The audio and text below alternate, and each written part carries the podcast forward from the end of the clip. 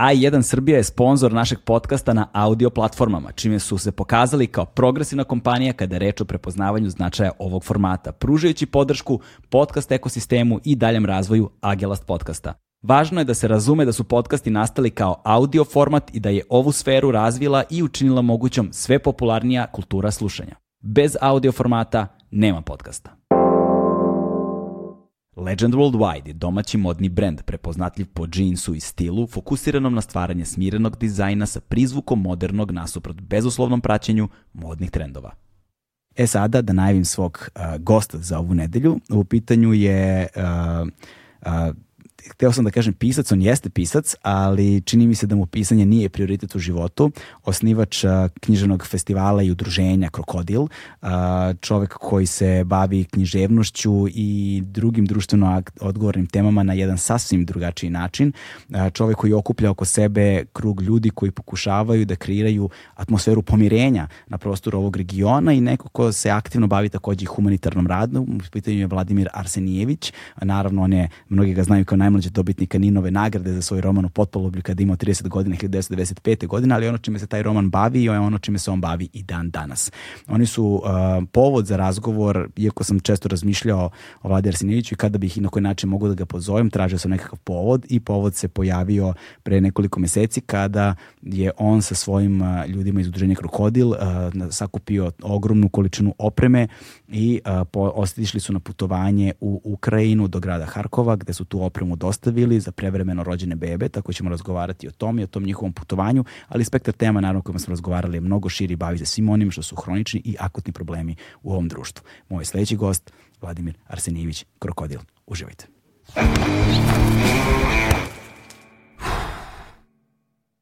Hmm.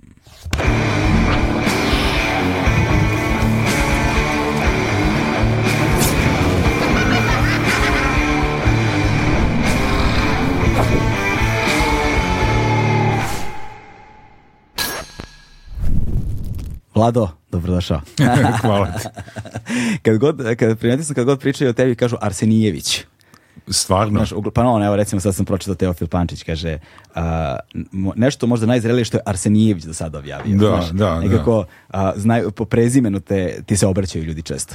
Pa mislim da sam jedno vreme bio jedini Arsenijević na javnoj sceni, onda ih se nešto pojavilo više. Ali ima ona interesantna stvar, znači ja sam Vladimir Arsenijević, ima Vladimir Arsenić, da. koji čak pomalo, ne ličimo mi fizički, ali negde kad smo bili mlađi kao licu i onda kad su meni dali Ninovu nagradu, njegova baba je mislila da je on dobio.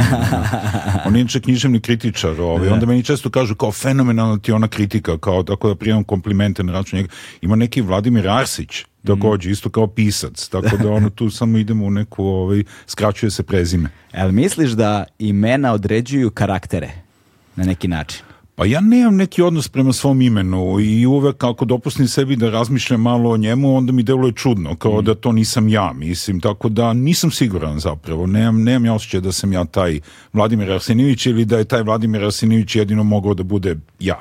Da, ja, znaš kako, ja imam uh, taj neki čudan trip, um, da određena imena mi idu uz određene ljude a određena imena mi ne idu uz određene ljude. I onda nekada vidim osobu, upoznamo se, kad mi kaže kako se zove, nekako mi se ne uklapa. Ali ti si ja uklapan. Pa ti si mi skroz okej. Okay, ja znaš, sam ti da, da, Vladimir da, da, da, ti, ti si mi Vladimir Arsenijević, da. Pa dobro, meni si ti Galeb Nikačević, šta znam. znaš, ali imam ta, znaš, imaju ta neka imena recimo koje su strašno zvučna. Imaju te eksplozive u sebi, D, znaš, B, P, ono, imaju te vibrante R, pa onda kada ih izgovoriš zvuče naš recimo Dragan, naš je ono zvučno, tvrdo naš ime i onda kada vidiš nekoga ko se možda ne uklapa karakterom u to, znaš, nekako bih dao nekim, neki mek, neko mekše ime koje možda ima, naš, njihove one bezvučne parnjake koje nema možda taj vibrant, koje, znaš, možda nekako tiše u svojoj da. zvučnosti kao po karakteru, da mi se ne uklapa mi se nekad. Da. Ja znam sa imenima, recimo, deo mog književnog stasavanja od nekog tineđerskog vremena do tačke kad sam ja počeo da mislim da možda to što radim i ima nekog smisla, je bio vezan za davanje imena likovima. Jer ovo ovaj, su meni recimo naša imena, ja sam imao uvijek veliki neki problem sa tim našim imenima. Meni je delovalo da sad ako se knjižni lik zove Milan, a ne, ne znam, Dorian ili Tomas, da nekako to umanjuje tu njegovu knjiž, književnu kao stvar u karakteru. I baš mi trebalo jako, jako dugo da osvojim to pravo da ta obična, na, na mislim, imena koja nama zvuče obično, ne. da ime, mogu da imaju tu vrstu književnog sadržaja koje sam ja očekivao. Tako da ovaj, uvek kada izgovoriš Dragan, ja pomislim, aha, dobro, samo jedan od nas. Da. Ali zapravo ne mora da bude, jel? Ono. Pa da, a sad, to je sad i deo kulturnog konteksta, znaš, ono, okruženje iz kojeg dolaziš. Jer nekome ko dolazi, ne znam, iz zapadne kulture ili iz, ne znam, indokinske ili koje da, god, da. naš Dragan verovatno zvuči prilično Egzotično. Da, da, egzotično. Da, da, da, da. To ti kažem da je trebalo meni u stvari, ja sam to razumeo da ti osvojiš taj pogled izvana. Mm. Da ti može da vini, jer kao ti imaš onaj neki osnovni nauk, kao piše onome o čemu znaš, ali to o čemu znaš nije uzbudljivo. Da. I onda zašto bi pisao, pisao o tome. Tako da ti treba da osvojiš tu vrstu pogleda da ti razumeš zašto je to obično ime Dragan zapravo iz nekog gledano iz drugog ugla zapravo neobično. Da. E, I onda ima ceo taj jedan paralelni e, kontekst, odnosno paradoksalni kontekst uh, da naše obično je nekome van našeg konteksta neobično, a mi kada pokušavamo naše obično da predstavimo nekoga, oneobičavamo ga, zato što nam je naše obično suviše obično. da, da, Naš, da. I, i, onda, I onda ono što doživljavamo, sad pazimo, i ono što doživljavamo kao mi kao obično, neko druž, drugi doživljava kao izuzetno, mm. i mhm. onda nam je jako čudno, nekako nam se ne podudara.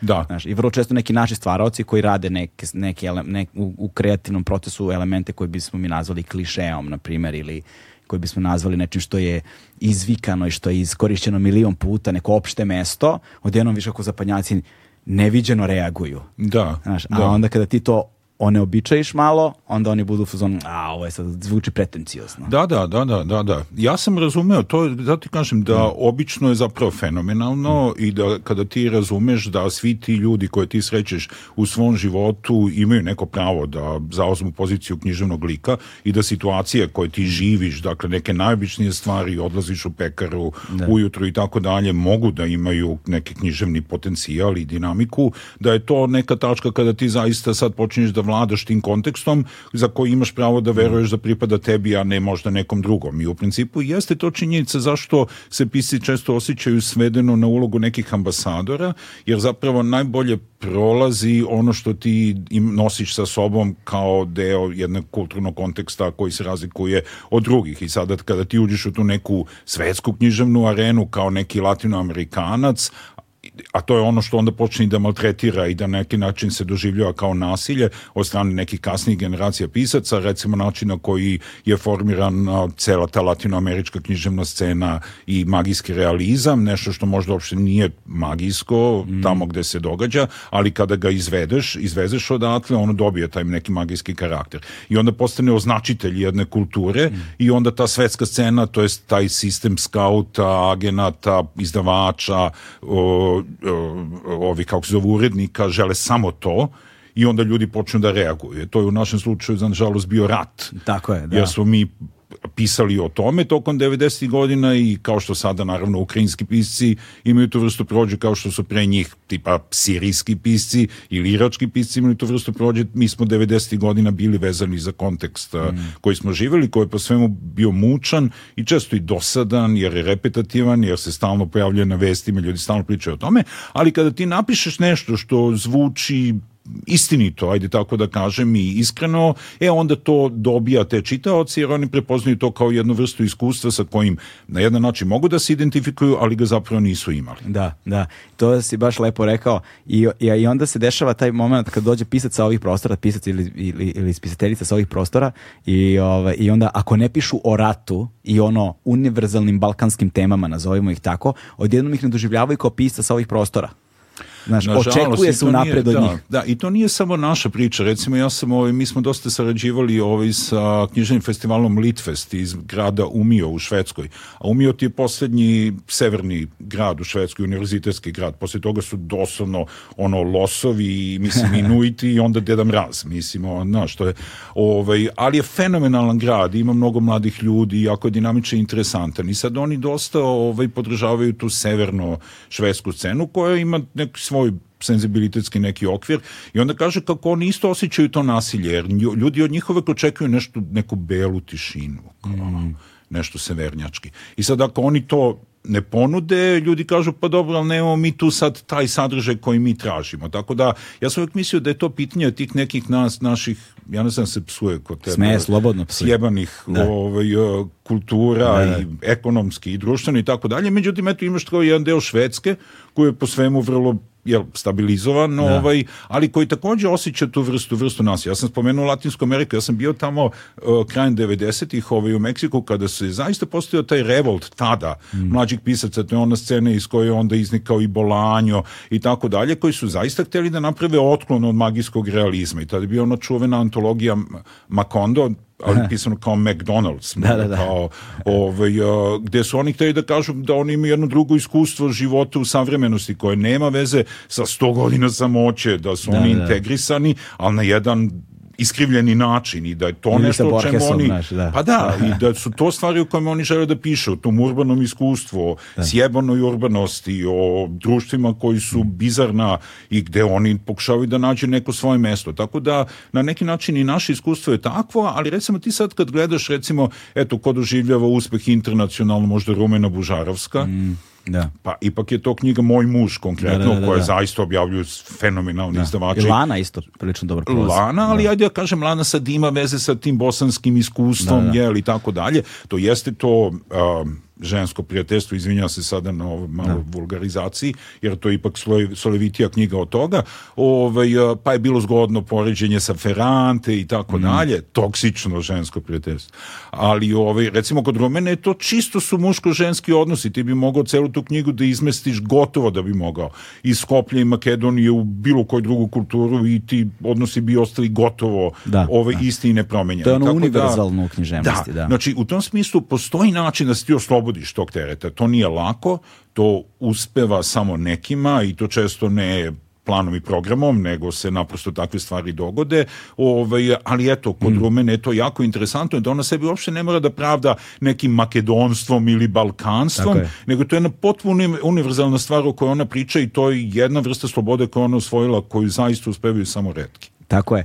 I ono što je čini univerzalno danas značajno težim, jeste što prvi put zaista imamo globalno društvo. I sa tim globalnim društvom imamo globalne teme koje su uvek deo nekakvog trenda. Znaš, I onda a, teško je razlikovati u jednom trenutku šta je element globalnog trenda, a šta je zapravo univerzalno ljudsko u tome vrlo često je nejasna granica gde jedno prestaje, gde počinje drugo. Hmm.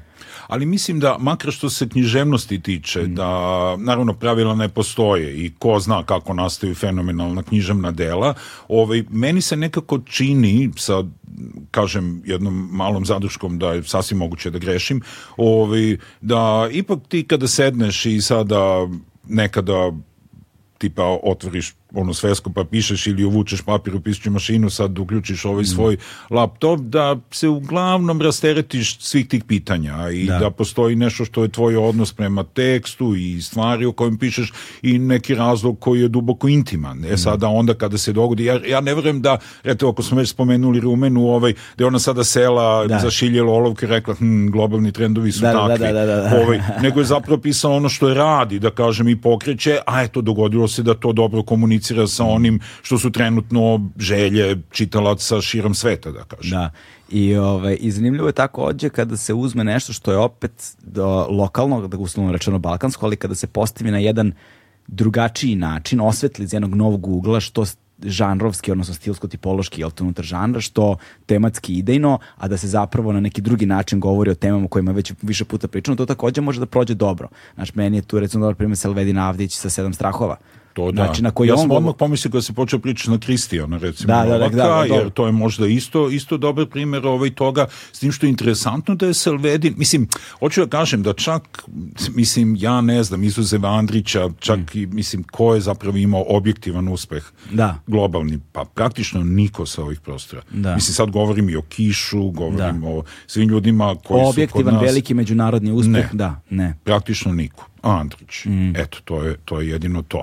Znači, sve ovo što govorimo je vrlo svedeno. Da, I da. podrazumeva jedan ograničen broj čitalaca, dobru kritičku recepciju, ali nevidljivo i tako dalje. Znači u tom smislu Selvedin je stvarno bio fenomenalno uspješan. Mm, jer ta knjiga je postala referentna tačka za ljude koji se interesuju za južnoslovensku, knjižno-balkansku, kako tako. god da zoveš. I zaista je to fenomenalno jer je pokazalo jedan model kako se može govoriti o tom iskustvu rata da se rad gotovo i ne pomene. Tako je. I a, Semezir Mehmedinović Takođe, s tim da. što je Semezdin razvijao svoj ja mislim da njegov uspeh nije globalan nego američki, da. opet uspeh i da ga je on razvio dok je bio tamo. Da. Da. Ovaj, mislim, njega su objavljivali kultni izdavači, mislim, prosto imao je tako dosta interesantnu poziciju tamo, on je mogao da baštini tu jednu svoju in, dosta neobičan položaj između pesnika i novinara. Mm. Nije neobičan položaj između proznog pisca i novinara, položaj između pesnika i novinara je dosta, dosta neobičan ovaj, i tu svoju isto razapetost, ovaj, tu, tu neko plutanje u vakumu koje je on nekako zadržao kroz svih 20-30 20 godina koliko je on proveo tamo, da je nekako on uvek i bio i nije bio bosanski, to jest američki pisac. Da, taj takozvani point of view, znaš, možda je u stvarnom životu uh, zarobljenost takozvana između svetova teskoban, teskoban moment, ali u zaknjiženo što vrlo, vrlo verovatno stra, strahovito zahvalan. pa sigurno je, recimo ja gledam, evo možda nisam spomenuli Aleksandra Hemona, da, koji je također Hemon, čovjek jest. koji ima taj jedan neobičan uspeh kao praktično američki pisac mm. koji piše na engleskom jeziku i objavljuje tamo i on je deo jedne književne scene koja i ni po čemu nezanemarljiv deo ovi, i radi sa sestrama Vahovski jel, da. i tako dalje, ima dosta interesantno i taj ovaj, to kao pored književnog, strogo književnog stvaralaštva kao radi na scenarijima i tako dalje. Ovaj, a on isto, recimo, to je dosta interesantno ovaj način na koji on prevodi e, recimo bosanske ili uopšte naše, naše izraze na engleski jezik i dalje i radi to na način koji je veoma kreativan. Pa on ja. Da. kada ono napiše kao soulless futbol i ti shvatiš da je to izdušena lopta, kako da, da, da. inače kažu, kažu bosanci, a to nekako doda neku ni, značinski nivo engleskom jeziku koji on inače nema. Tako da, da. je to to pozicija, kažem, to je uvek taj pogled sa strane, što sam mm. govorio vezano za ova naša imena, ovaj, da ti razumeš zašto je tvoj položaj specifičan i naročito kada se on odnosi na dve različite kulture, kao što su ova oba slučaja koje smo meni bosanska i američka, gde ti obe možeš da vidiš iz neke središnje tačke, ne pripadajući mm. ni jednoj ni drugoj paralelno. I to je za pisca dosta dobar položaj, jer je pomalo bogovski, jer da. si uzdignut iznad, iznad tih stvarnosti. E, ali tu se sad otvorio još dve ono, zanimljive uh, teme. S jedne strane, pitanje prevoda, znaš, kao, kao posebnog umetničkog dela za sebe, koje čini mi se ljudi često prenebegravaju kao umetnost. Ovaj, ali preneti u drugi jezik uh, i drugu kulturu sa svim njenim potencijalnim značenjima kroz jezik i on, ili pridodavanje novih koje bi bile u duhu jel te, i vremena, i jezika, i kulture, a da negde ne izgube na onom prethodnom, je poseban dar i posebna veština, s jedne strane, a s druge strane, čini mi se da je i Andrić, veliki deo Andrićevog uspeha između ostalog bila i njegova sintaksa. Znači, rečenica kao takva koja je recimo za same prevodioce, za ljubitelje jezika, za filologe i tako dalje, vrlo zanimljiva i značajan jedan prozor u kulturu i društvo posebno određenog vremena. A1 je prvi prijatelj audio izdanja Agelast podcasta. Mm. Pa vidi, mi sad, ovaj, mislim, mi, kad kažem mi, uvek mislim na udruženje Krokodil, da, da. Ovaj, o, smo već nekoliko godina deo jednog velikog evropskog projekta u kojem učestvuju organizacije iz deset zemalja, ovaj, koji se zove CELA, o, ovaj, o, uvek zaboravim od čega je to skraćenica, pa nema ni veze, ovaj, ali deo tog projekta jeste ovaj da uh, malo više poradi na balansu između tog odnosa pisca i prevodioca i uh, mi zastupamo teoriju da treba govoriti o književnim stvaraocima, u šta uh, bi trebalo uključivati pored proznih pisaca, pesnika, eseista, ovaj, takođe i prevodioce, mm -hmm Eh, eh, on a spoken word eh, performer, repere na kraju krajeva i mhm. različite ljude koji se bave književnim stvarima iz različitih različitih uglova i u tom smislu ta položaj prevodioca je posebno interesantan jer on je zapravo jedna spona koja omogućava da se mi uzajamno čitamo i onda kao mm. kažeš ne, apsolutno nimalo nevožan a ovaj, dosta su nama poznati iz uh, istorije našeg prevodilaštva naročito ono što je radio recimo Stanislav Vinaver ovaj, uh, ti primjeri koji dokazuju da je to reč o umetničkom stvaralaštvu, jer uvek se navodi kao dobar primer ovaj, ona scena gozbe u Gargantu i Pantagruelu, mhm, mm, da. ovaj, koji uopšte ne postoji u originalu, ovaj, gde se zapravo kaže samo gozba, ali je uh, eh, Vinaver ubacio ceo taj opis gozbe, računajući da ono šta bi srednjevekovnom čitovacu u Francuskoj eh, signalizirala reč gozba, za nas zapravo to radi mhm. taj jedan detaljan opis. Znači ti sad i dalje kao prolec može da se baviš različitim um, metodologijama, da li ćeš to staviti u fusnotu ili ćeš da. ubaciti u tekst i tako dalje. Znači, prevodilac se bavi istom vrstom odlučivanja kojom se zapravo bavi i autor kada, kada stvara i u tom smislu njegova pozicija nije, nije nezanemarljiva i u, uh, sve veći broj izdavača stavlja prevodioca već i na naslovnicu knjige. Mm. Dakle, piše ime autora, naslov i onda dole recimo translated by da. i stoji, stoji ime Posebno kada prevodilac ima značajno i zvučno ime. pa naravno, to je sad ta da. stvar sa prevodilacima, ovaj, dakle da ti ili možeš da budeš taj jedan kreativni prevodilac, ovaj, mi znamo da napravimo tu razliku. Naravno, da. nažalost, prevodi se sve i svašta, prevodi se jako mnogo, tako da tu ima čitav dijapazon kvaliteta narečitih i mi znamo kakvi gluposti se mi mm. naslušamo i načitamo ovaj, kada gledamo prevode televizijskih serija da. ili nešto što se radi levom nogom bez pažnje, a opet sva, sva, svako malo dakle nalaze pre, nalaze prevodi gde ti možda ni, čak nisi ni u potpunosti svestan da se više diviš prevodu nego, nego originalu. Da, to se vrlo često dešava, posebno ako recimo uzmemo u obzir ono što nam je najdostupnije u tom kontekstu i što je negde najrasprostanjenije, to je engleski jezik I, ovaj, I onda možeš jasno da vidiš i kod pisaca na engleskom jeziku i onda kad uzmeš u originalu delo i kad uzmeš u prevodu, uh, neka dela te prosto opčinjavaju u izvornom na način na koji prevodu jednostavno se ne prenosi. Da. Ne prenosi se, na što je sa Hemingwayem vrlo često slučaj. Da. Ti shvatiš lepotu njegovog jezika onog trenutka kada ga pročitaš na engleskom i se uje, šta se Zato što taj minimalizam da. Hemingway ne da. prevodi se dobro na naš jezik, mm. verujem na neke druge jezike. A to što si onda rekao za Andrića, ovaj, ja sam nekoliko puta o ovaj, um, imao neke predavanja za ovaj, neke američke studente. Ovaj, to su glavno ljudi koji se bave ono pisan konflikt. Studies mm -hmm. nisu neophodno književni, ali naravno to podrazumeva dosta čitanja i Andrić je tu neizostavna ovaj stvar i onda smo dosta razgovarali ovaj, i konkretno na Drini Ćuprije. Da. I, ovaj, I on se se setio da je to i nama na kraju krajeva kada su nas goreli u to da čitamo zapravo bilo na, na, mislim, kontekstualno strano, jer o čemu zapravo taj čovjek priča, ali da je taj glas nam nije bio, mhm. nije bio strani. Mislim da je to taj recept koji je mhm. Andrića učinio zapravo toliko poznatim i uspešnim drugde, da je on u kontekst evropske ove književne produkcije unosio neko iskustvo koje je bilo potpuno bizarno, da. mislim nabijanja na kolac, mislim i da, sav, da, da. sav taj užas.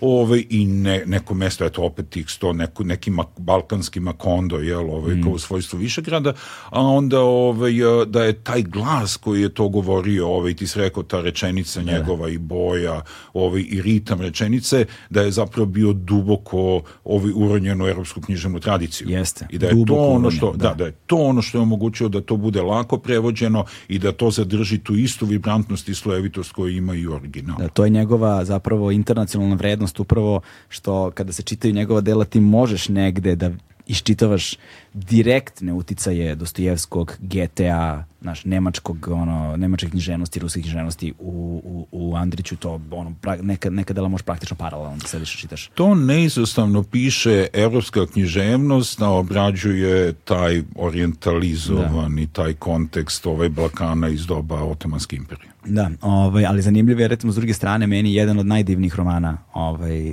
sa prostora Jugoslavije, ili možda i najbolji roman 20. veka na ovim prostorima, mi je desničin, odnosno vladan desnica proleće Ivana Galeva. Galeb je to sasvim slučajno paralelno. Nije me to privuklo, bila je obavezna, literatura, bila je obavezna lektira u školi kad da, sam ja išao u školu, ali iskreno nisam je tada pročitao jer je to nemoguće težak roman za čitanje za taj uzrast. Ovaj, ali njegova rečenica je van pameti. Da. Van da, pameti. Da, van da. pameti i taj roman toka svesti i taj glas mm. njegov je potpuno nešto nesvakidešnje na ovim prostorima i on je njem, tom romanu posvetio izuzetno mnogo vremena da bi to nastalo i obličilo se na taj način i mislim da se takva vrsta estetike nesreće danas tako često. Znaš. Šta ti je izuzetno mnogo vremena? Koliko je desnica pisao? Pa nešto, ne znam, 30 godina, nemam pojma, nešto, nešto ukupno, mislim da je to tako trajalo. Ne, da. nisam, nisam siguran, ali tako... Zato što sam ja sada ovaj, završio četvrtu knjigu te tetralogije Kloaka Maksima, koja je mm. počela sa knjigom u potpolublju, ja sam knjigu u potpolublju počeo pišem 92. godine, da. a sad je 2020. Da. ja sam mislio, možda, ne znam da li se aplicira za Guinnessovu knjigu rekord. Pa nije, znaš, GT je 30 godina pisao Fausta. Jer, jer, jeste, jeste, jeste, jeste, jeste. 30 A, godina ga je pisao i mislim da je Faust Fuck. čak, da, mislim da je čak Faust, što je najluđe od svega, uh, ispravit će me ljudi ako grešim, možda ne pamtim dobro, ali da je objavljen nakon njegove smrti, da ga je on na, završio i zaveštao da se objavi nakon njegove da. smrti jer je bio suviše kontroverzan da bude objavljen za život. Da, jer je da, on, da, naš, uh, jer, jer je on sinkretizam verski koji je on da. ispoljio zapravo unutar tog književnog dela van pameti. Ono, I to je nešto što u to vreme ne bi mogao da bude prihvaćeno ni, na koji, ni na koji način. Ove, ovaj, ali je uh, uh, ali zanimljivo je, jesi li ti dan danas najmlađi dobitnik Nina? da, sa 25 si dobio, ali tako? Ne, sa 30. Sa 30. pa nije sad ova kultura toliko. A ne, 95, toliko. izvini, 95, 95, ali za 30, da. da. Pa da, nije ova kultura baš sad toliko. Ali pazi, mislim, to je sve bilo jasno od početka da se desio neki eksces i neka greška u funkcionisanju tog sistema i da će se stvari vrlo brzo samo onako vratiti unazad i to se zapravo i dogodilo. Tako mm. da, evo, tih još malo pa 30 godina kasnije, da. to je i dalje jedina debitantna, debitanska knjiga koju je dobila e. i ja sam i dalje najmlađi, najmlađi autor i tako će ostati još vratno narednih 30 godina. Da. Pa da, sve je da, teže i teže. A da. književnost sve dublje i dublje zapada u umetnost trećeg životnog doba, ne, neki, iz da, nekog razloga. Da, da. Pa, mislim, ima tu mogućnost za neka iznenađenje. Recimo, meni je bilo fenomenalno. Ja mislim da je super što je Milana Marković dobila mhm. ovaj, e, Ninovu nagradu za, za de, decu. Decu, da. Decu. da. Ovaj, e, I da je to fenomenalna knjiga. Sad, meni nije baš jasna ta ideja ovaj romana u stihu, jer to se zove poema. Da. Pa onda ne vidim šta je tu, ali dobro, to je sad jedna potpuno druga priča. A recimo isto vreme je bio Elvedin Nezirović mm. ovaj, u finalu Ninove nagrade, bio Ilija Đurović. Da. Sad, dajde da kažem, uh, uh, uh, stepen nekog mogućeg iznenađenja kod te književne i ne baš književne publike koja reaguje na Ninovu nagradu uh, bi bio, uh, znači ovde sad bila, sad meni žao što govorimo o ovim terminima, ali smo sad imali ženu pesniki. Da, da, da. Ovo, pa je to kao dalo nešto malo kao svežine Ninove nagrade. Ovamo smo imali crnogorskog da. pista, što je pomalo interesantno, ali ovamo smo imali bošnjačkog pisca iz mm. Bosne mm. i Hercegovine, koji čak tematizuje o, rat u Bosni i mm. Hercegovini, konkretno u Mostaru, iz bošnjačkog ugla. Da. Znači, to je jako, jako interesantno ali je to omogućilo jednu drugu stvar, jer postoji te skrovita šta, je, za, šta se nagrađuje Ninovom nagradom. Mm. Roman, ali koji roman? Da. Zapravo. I to je ovo zašto smo mi opet udruženje Krokodil, ovo jako mnogo radili na toj ideji zajedničkog jezika jer je nemoguće napraviti ta razgraničenja. I onda koga ti uzimaš u obzir za Ninovu nagradu? Jer uzmeš celu regionalnu produkciju, šta tačno, tačno radiš i onda nekako je došlo do toga da se zapravo uh, za Ninovu nagradu, u utakmicu za Ninovu nagradu mogu da uđu dela e, pisana na bilo kojoj od varijanti zajedničkog jezika ukoliko je prvo izdanje ovaj, u Srbiji. I to da. zvuči dosta, dosta logično i zvuči dosta savremeno za naš mm. trenutni kontekst. Tako da, eto, Elvedin je odjednom bio jedan potencijal da na, na Ninova nagrada može da ode u ruke Bošnjaku ovaj, za jedan roman koji direktno ima veze sa tim traumatičnim delom našeg, našeg savremenog iskustva, naročito iz, iz srpskog, srpske pozicije koja ima jako mnogo problema, očito i dan danas da se suoči sa stvarima koje su se činile u njeno ime tokom 90. godina, a koje ovaj čovek tematizuje. Tako da meni onda u tom smislu, samo društveno-politički govoreći, šteta da. što e, nagradu nije dobila ta knjiga koja je fenomenalna, mm ovaj, nego Milana Markovića, jer bi u tom smislu uh, uticaj na Ninu nagradu bio, bio još veći. Tako da sad to pitanje samo da. kažem, da. ko je mlad prvi roman, to uopšte ni, nema nikakve veze, to nema nikakav značaj, to je sad tako samo neke fenomenološke stvari, ali ovo bi imalo zaista iskreni značaj, dakle i dalje postoji nešto čemu imamo da se nadamo, da, da. a tiče se Ninove nagrade. E više, sad je to zanimljivo, otvorio si jednu temu koja je nekako neiscrpna, pardon, i nužna kod nas, i dan danas, a to je to kazano suočavanje sa prošlošću. Zna. I, ovaj, I s jedne strane možda sa e, očekivanja zapada u kontekstu e, stvaralaštva jesu možda ono ratna ovakva ili onakva i ona čine neko takozvano opšte mesto i nešto čega nam je s jedne strane muka, ali s druge strane mi živimo jednu stvarnost u kojoj se sa tom prošlošću nismo suočili. Znaš, I onda ta vrsta a, književnog stvaralaštva, ne samo književnog, umetničkog stvaralaštva uopšte, postaje na neki način i nužna. Znaš, jer ne možemo da prestanemo da stvaramo u određenom kontekstu, u određenom ključu, nek, on, da govorimo o nekim stvarima, ako mi još uvek nismo na činičnom, na istorijskom, na ono svakodnevnom nivou e, stavili tačku na određene stvari i nastavili dalje, znaš.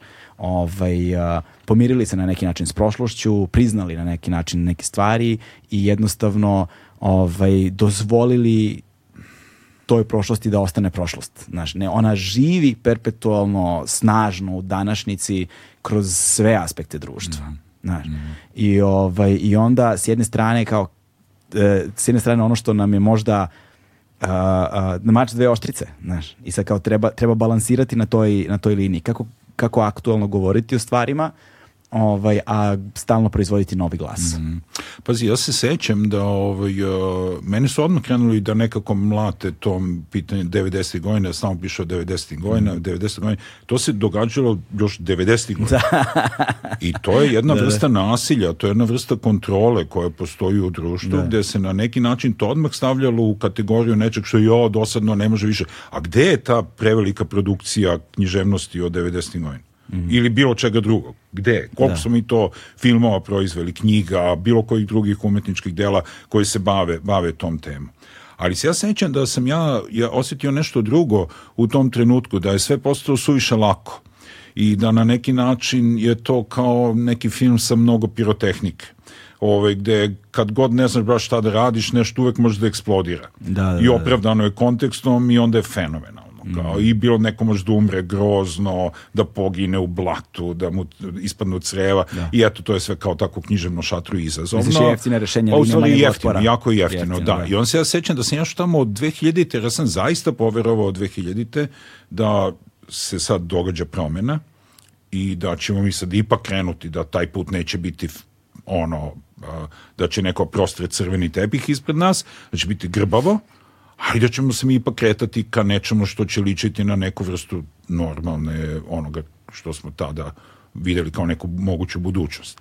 Pa znamo kuda je, kuda je to otišlo. Ali se seća da sam tad pomislio, je možda sad ti ja da se vratiš unazad i sad da vidiš imali nečeg, to jest ne imali nečeg, nego čega to ima književno potentnog i uzbudljivog u recimo nekim vrlo jednostavnim stvarima, ono boy meets girl, da, da. nešto, dvoje ljudi se zaljubili bez ičega u praznom prostoru. Nema mhm. nikakve društveno-političke dinamike što će učiniti da sad oni su nekih um, Rome i Julije ili nešto, ništa, ništa, eto, da, da li može pišeš tako nešto. Ja sad pisao tu knjigu Išmajl, koja mm -hmm. se bavila tim odnosom između one neoavangardističke scene s kraja 60. godina i panka i novog, novog talasa. Ove, ovaj, jer mi se činilo da možda ima interes, ima najme, kao kažem, razloga da se čovek opreba u takvim stvarima nakon da. tog silnog pisanja o ratu. Ali onda na kraju krajeva, mislim, ti si video kako se ta stvarnost preotela, mhm. kako se nekako vratila, vratila unazad, kako je revizionizam uzeo maha, da. kako su stvari prisilno zaboravljene, dok su dovedene, dok nisu dovedene do tačke da recimo danas statistički uh, u promilima se mere a, ljudi mlađi od 30 godina koji znaju da je uopšte bilo šta bilo u gradu Vukovaru. Stvarno? Devet, da. 90 Stvarno? da. To, to neko zvanično istraživanje? Da, da, da, to je zvanično istraživanje među mladim ljudima. Koje radi istraživanje? Dakle, pa ne sjećam se da. sada, mislim, nisam ja sad... Ne, jasno, da, da, da, da, Ali ovaj to prosto, to sam čitao, ta, a da ne govorimo o stvarima koje, mislim, to je uvek bilo tako, ja se sećam one jedne scene, evo to, to sad stvarno mogu potrebiti, ovo je direktno, direktno lično iskustvo, o tome sam i pisao, kada su vadili leševe albanskih civila iz jezera Perućac, ovaj, i kada je bila ta televizijska ekipa tamo i bukvalno su snimali one bege, bagere kako vade ta, ta raspadnuta tela i onda su na drugoj strani jezera videli čoveka koji se kupa Ja su bili u fazonu, moramo ovog da intervjušam, jer ovo je potpuno sumanuto i ovo ovaj je onako neki naš everyman, curi sa njega u nekim gaćama i ovaj kaže, pa vam nije nenormalno da se kupate dok se ovo događa? A on kaže, pa pravo da vam kažem, ja u to ne verujem. I recimo, to je meni bilo fenomenalno u tom trenutku, jer to je zaista pokazalo e, mehanizam kako funkcioniše neverica u tom smislu i mhm. koliko je ona zapravo snažna, da stvari mogu da ti se događaju pred očima, ali ako su tebi mediji koje ti pratiš, e, društvo u kome se krećeš, signalizirali da zapravo postoje neke drugačije istine, ti to otklanjaš od sebe i ne veruješ. I to je isti onaj fenomen kao kada su ti nemački, dobri nemački građani videli da se puše tipa krematorijum i u o, o, ovim logorima, ali su odbijali da u to poveruju.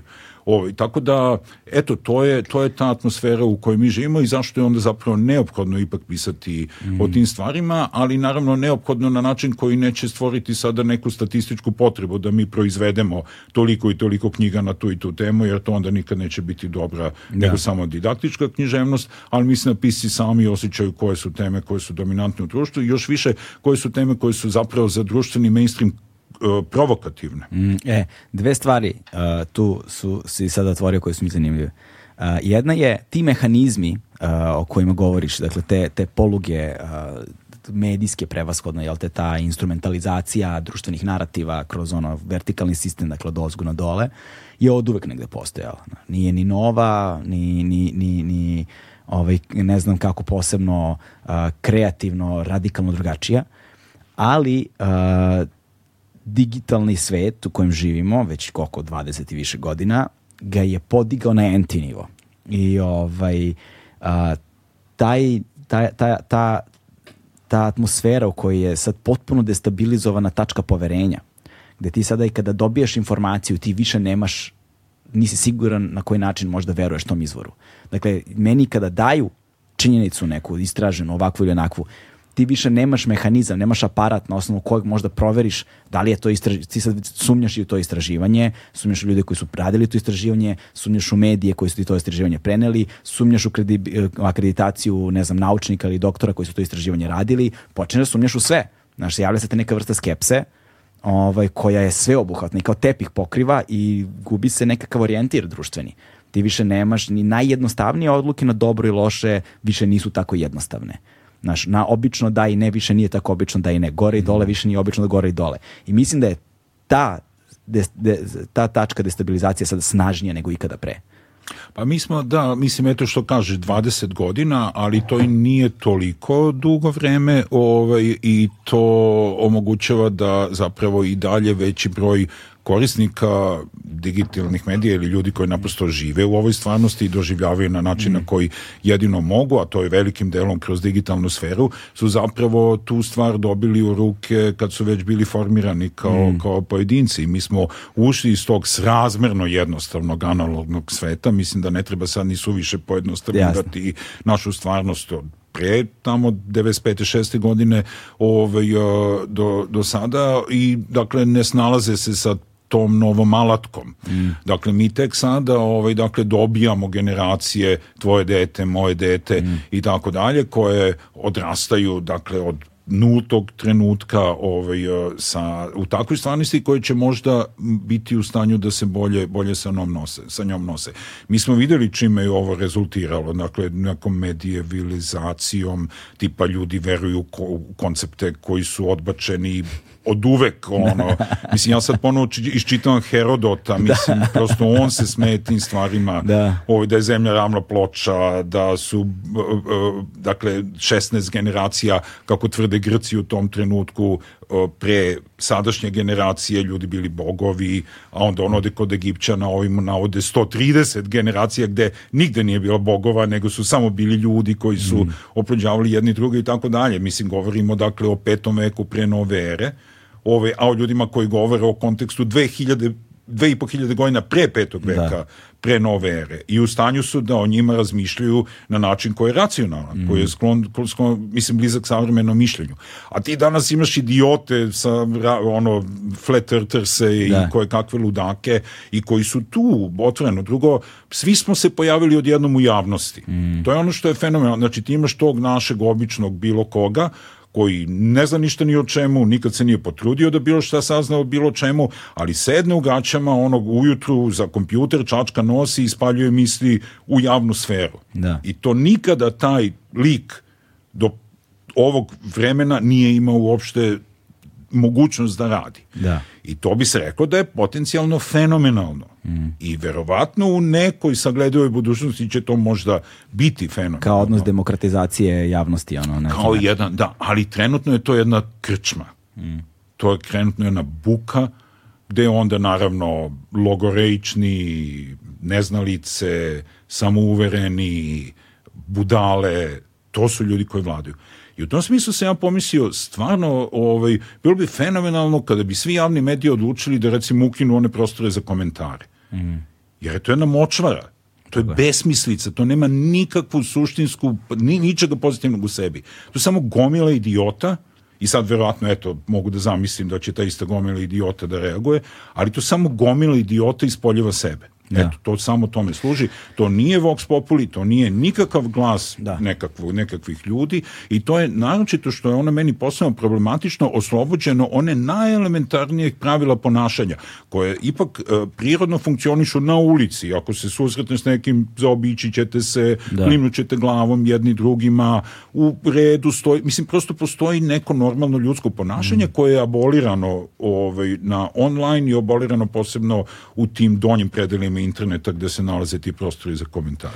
To je, uh, to jeste istina, to zaista nije Vox Populi, tu zapravo se najbolje čuju oni koji su najglasniji, da. oni da. su uvek malobrojni, bez obzira da li sad govorimo o, ne znam, sad desnim ili levim ili kojim god narativima, sve jedno, dakle uvek je ta ekstremna manjina najglasnija, s jedne strane i ovaj, oni izazivaju tu takozvanu lančnu reakciju, a nažalost tehnologija je takva da ona favorizuje upravo to zato što to navlači takozvani saobraćaj mm. na sam sadržaj i onda je to način da se proizvede novac. Mm. Jer ti bez tog saobraćaja na svojim stranicama koje god da su, ti nemaš određen nivo vidljivosti, bez određenog nivoa vidljivosti ti nemaš... Oglašivače. Nemaš, ne samo oglašivače, nego i one koji zarađuju od samih pregleda, streamova mm. takozvanih, znači nevezano za oglašivače. Mm. Neće zarađivati taj novac i onda ti imaš takozvane guidelines, jel te, znači pravilnike, ukoliko radiš ovo, ovo, ovo, ovo i ovo, tebe će onda favorizovati ovaj mehanizam i bit ćeš vidljiviji i bit ćeš šta god. Znaš. I onda u toj silnoj potrebi da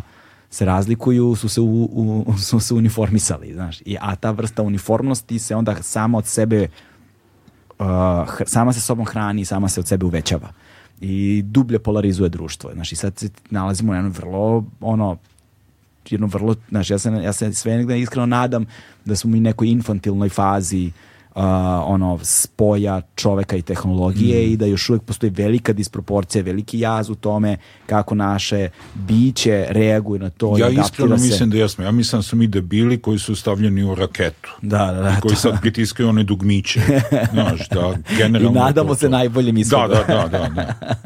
Ima smisla. Ja, e, druga stvar koju si pomenuo sada skroz da se vratimo sa, sa teme jeste uh, kada si govorio o tematizovanju ono dečak sretne devojčicu, znaš, ili devojčica sretne dečaka, bez bez šireg tog spoljnog, bez šireg političkog, ne znam, ideološkog konteksta, ukoliko takav kontekst uopšte može da postoji. Sad, to je odvojena tema. Ovaj, ali...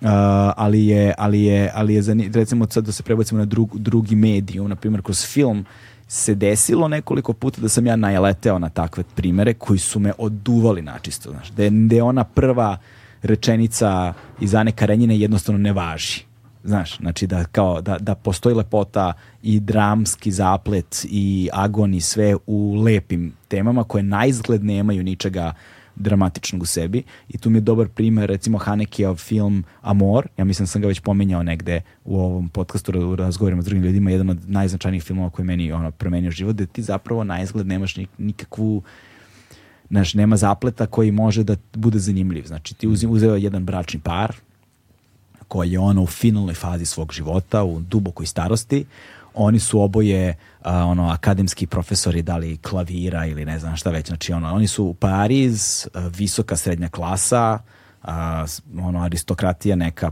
francuska, dakle nula interesovanja sa klasnog aspekta mm. za mhm. njih, ostvareni ljudi u svoj dubokoj starosti koji imaju decu sa kojima imaju divan odnos, koji su isto odrasli u divne, obrazovane i bogate ljude, koji imaju opet svoje porodice koje su divne i sve i oni ono, u, deve, u desetoj, ono, u, u, u desetoj deceniji, možda se kaže u desetoj deceniji, ono, duboko u 90. godinama pa, idu, da. idu tipa u pozorište, a, ono, na, idu u pozorište, uživaju u muziklima i tako dalje, žive svoj život ono salonskim gajbama u centru Pariza i znači bukvalno nemaš ni jedan, znači nema ništa zbog čega bi njihova životna priča imala bilo kakvu književnu ili umetničku vrednost i onda oni žive posljednje dane svog života i film se zove Amor, znaš, s time da naravno oni ulaze u tu staračku demenciju i tako dalje.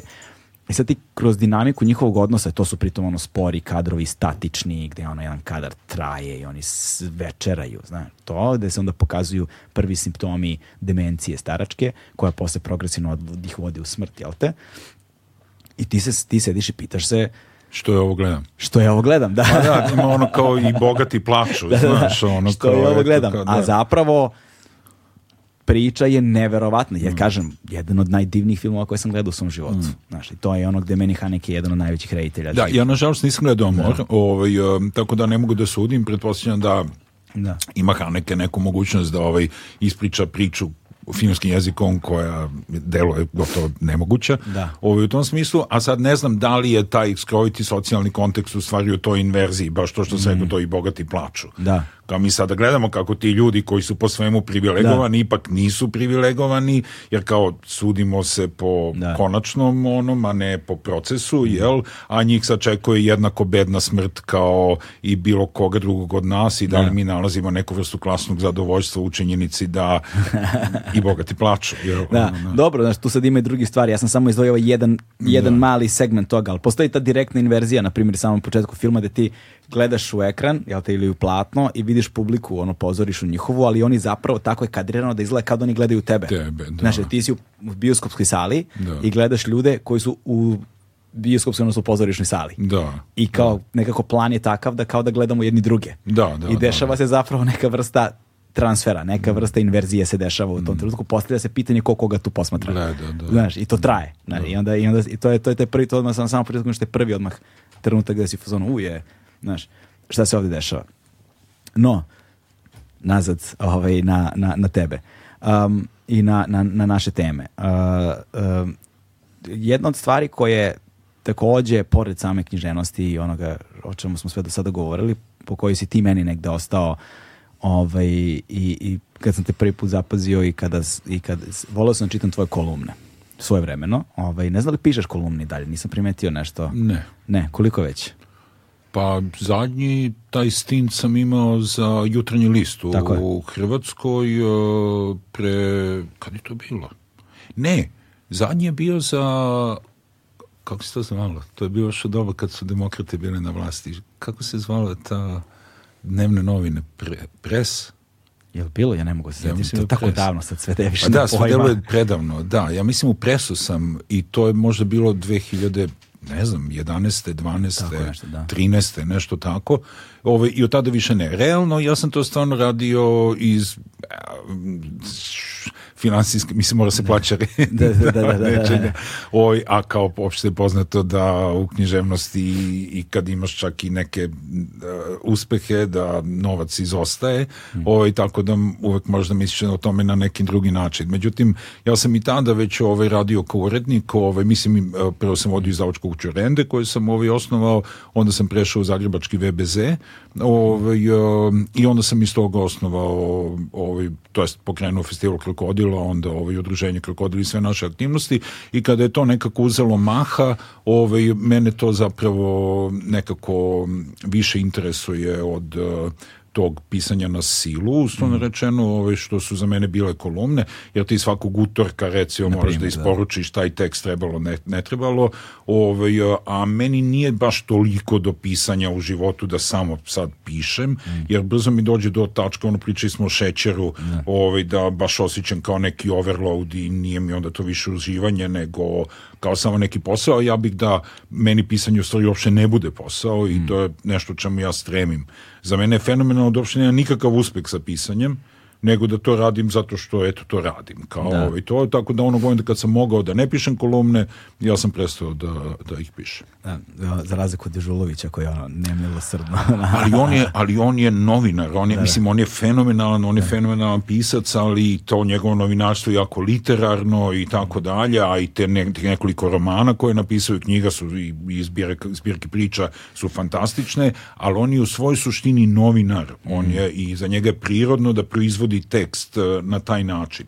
O, da. ja sam morao da to savladam, to jest da verujem u prvu ruku, da. da kažem sebi da neću sad sedam dana se maltretirati time, nego onda ti nešto malo misliš, pa ako ti je rok utorak, ti sedneš utorak prepodne i cepaš i uveče, uveče I šalješ. Poznato, da. pa da, i onda na kraju kad pogledaš, zaista kad prođe neko vreme, vidiš da nije to ništa toliko lošije nego što bi bilo da si sad ti obsesovao danima da. oko toga, menjao zareze i tako dalje, što je često ono šta rade ljudi kada pišu te neke veće forme kao što je roman.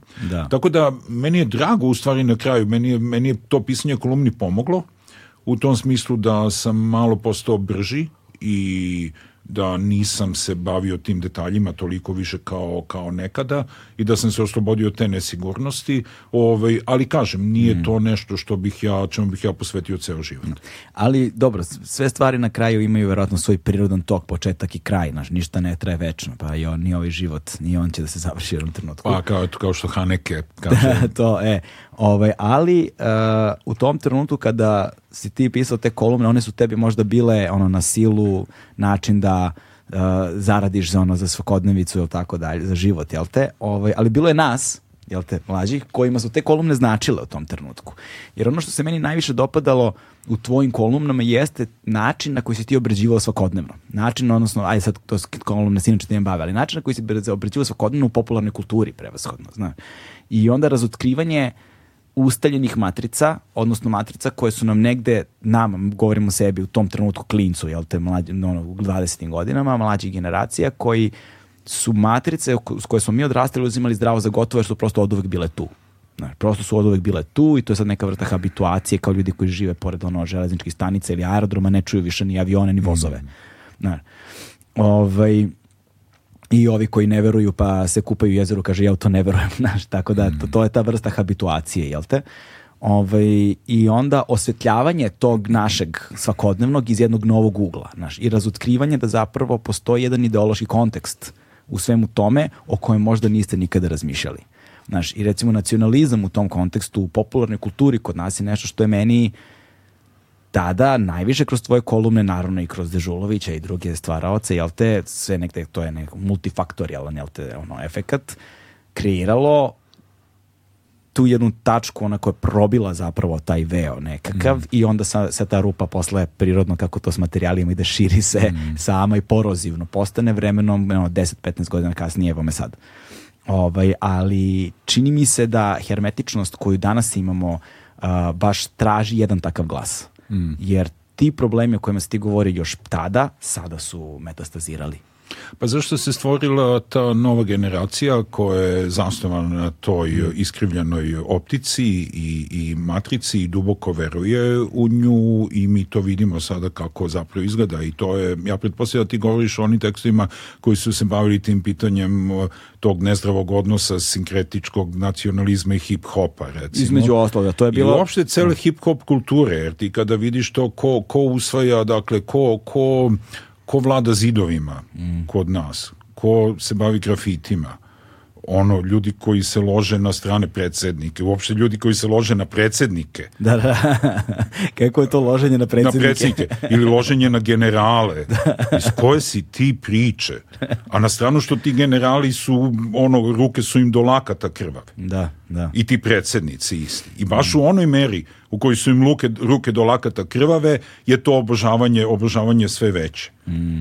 I taj sinkretizam koji je povezao tu agresivnost 90. godina, ubilačku agresivnost 90. godina, jedno što je i jedan subkultura koja je u suštini slobodarska, koja je potekla iz e, društveno-ekonomski sjebanih predgrađa američkih gradova, etnički o, izolovanih, gde žive ljudi koji su ili portrikanci ili crnci, dakle druge boje kože u odnosu na beli, na beli mainstream koji govore nešto sami sebi prevashodno, a onda svi zajedno o tom belom mainstreamu koji uspevaju tu svoju kulturu predgrađa da postave u poziciju dominantne kulturne matrice ne samo u Americi nego onda, onda globalno ja sam pro prošao kroz ceo e, rast hip-hopa živeći u Londonu, recimo, gde je onda odjednom onu scenu e, vrlo belu englesku, ovaj, koju su predstavljali ja kad sam došao tamo 84. 5. godine,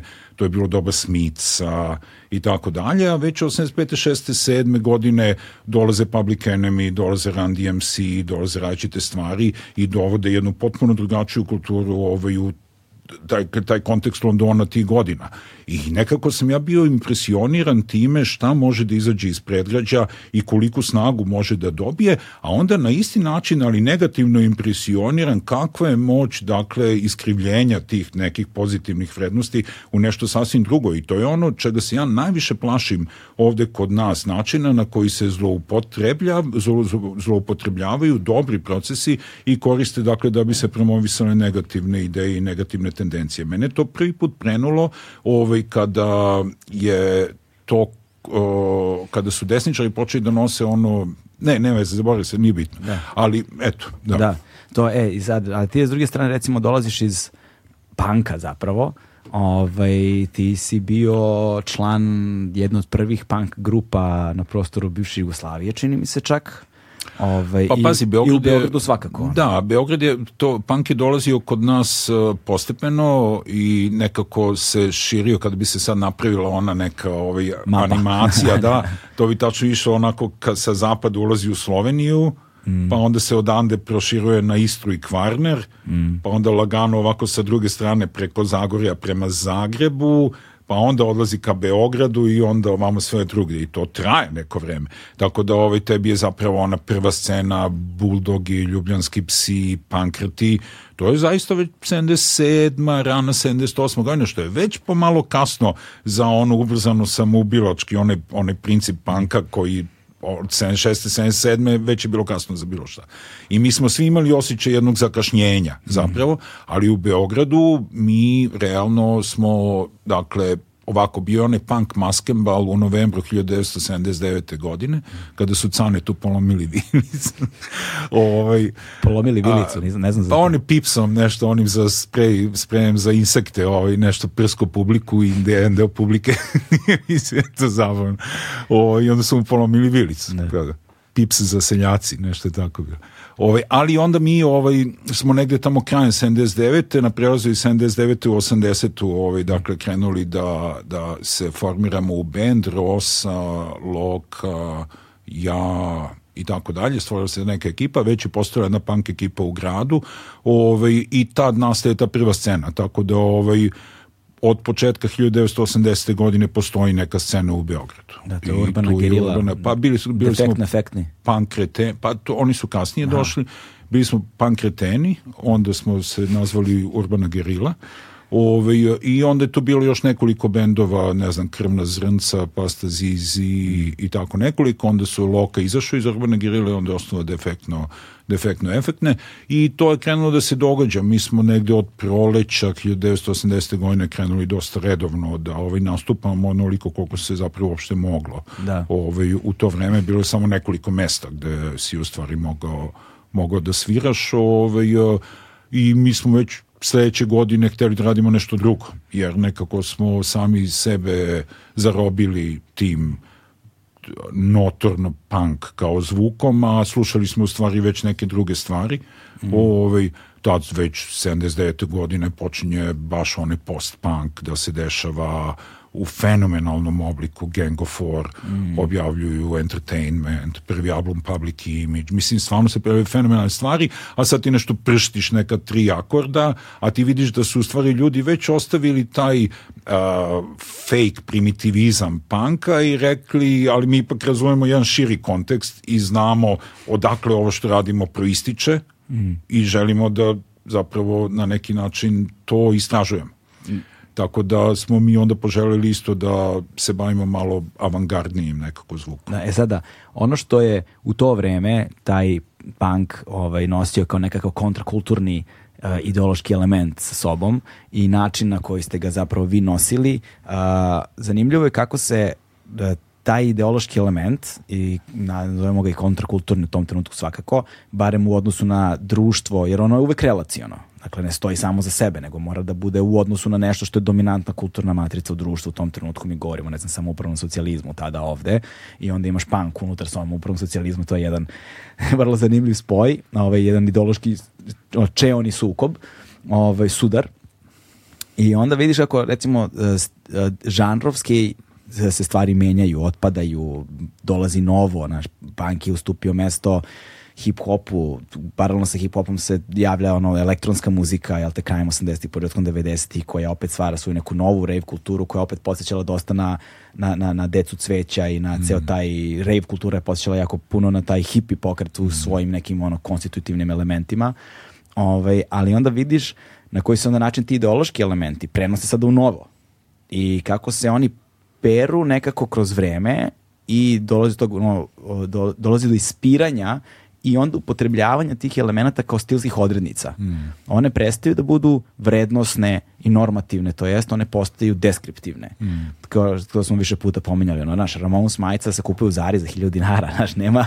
Sad sam baš pomislio na to, da, da ono, devojke ispod one kose na štiklama i Ramon Smajci, da. bez ikakvog znanja zapravo šta nosi. Znaš, de, de sad to da. više nema nikakvu vrednost. Tako su se na neki način i 90 romantizovale i oprale kroz neke te stilske odrednice, te sada ti imaš jedan potpuno novi a, Govoriš sad o našim našim, 90 na, da, da, našim, našim 90-im, da, pošto recimo to kada su neki komercijalni brendovi imali taj retro e, kao revival modnih brendova 90-ih, ovde su imali ogroman problem jer kao kako sada da Nike patike iz 90-ih imaju retro 90s što je svuda u svetu strava, a kod nas potpuno drugi kontekst da ga prikažu, ali mislim da su uspeli. Mm, da.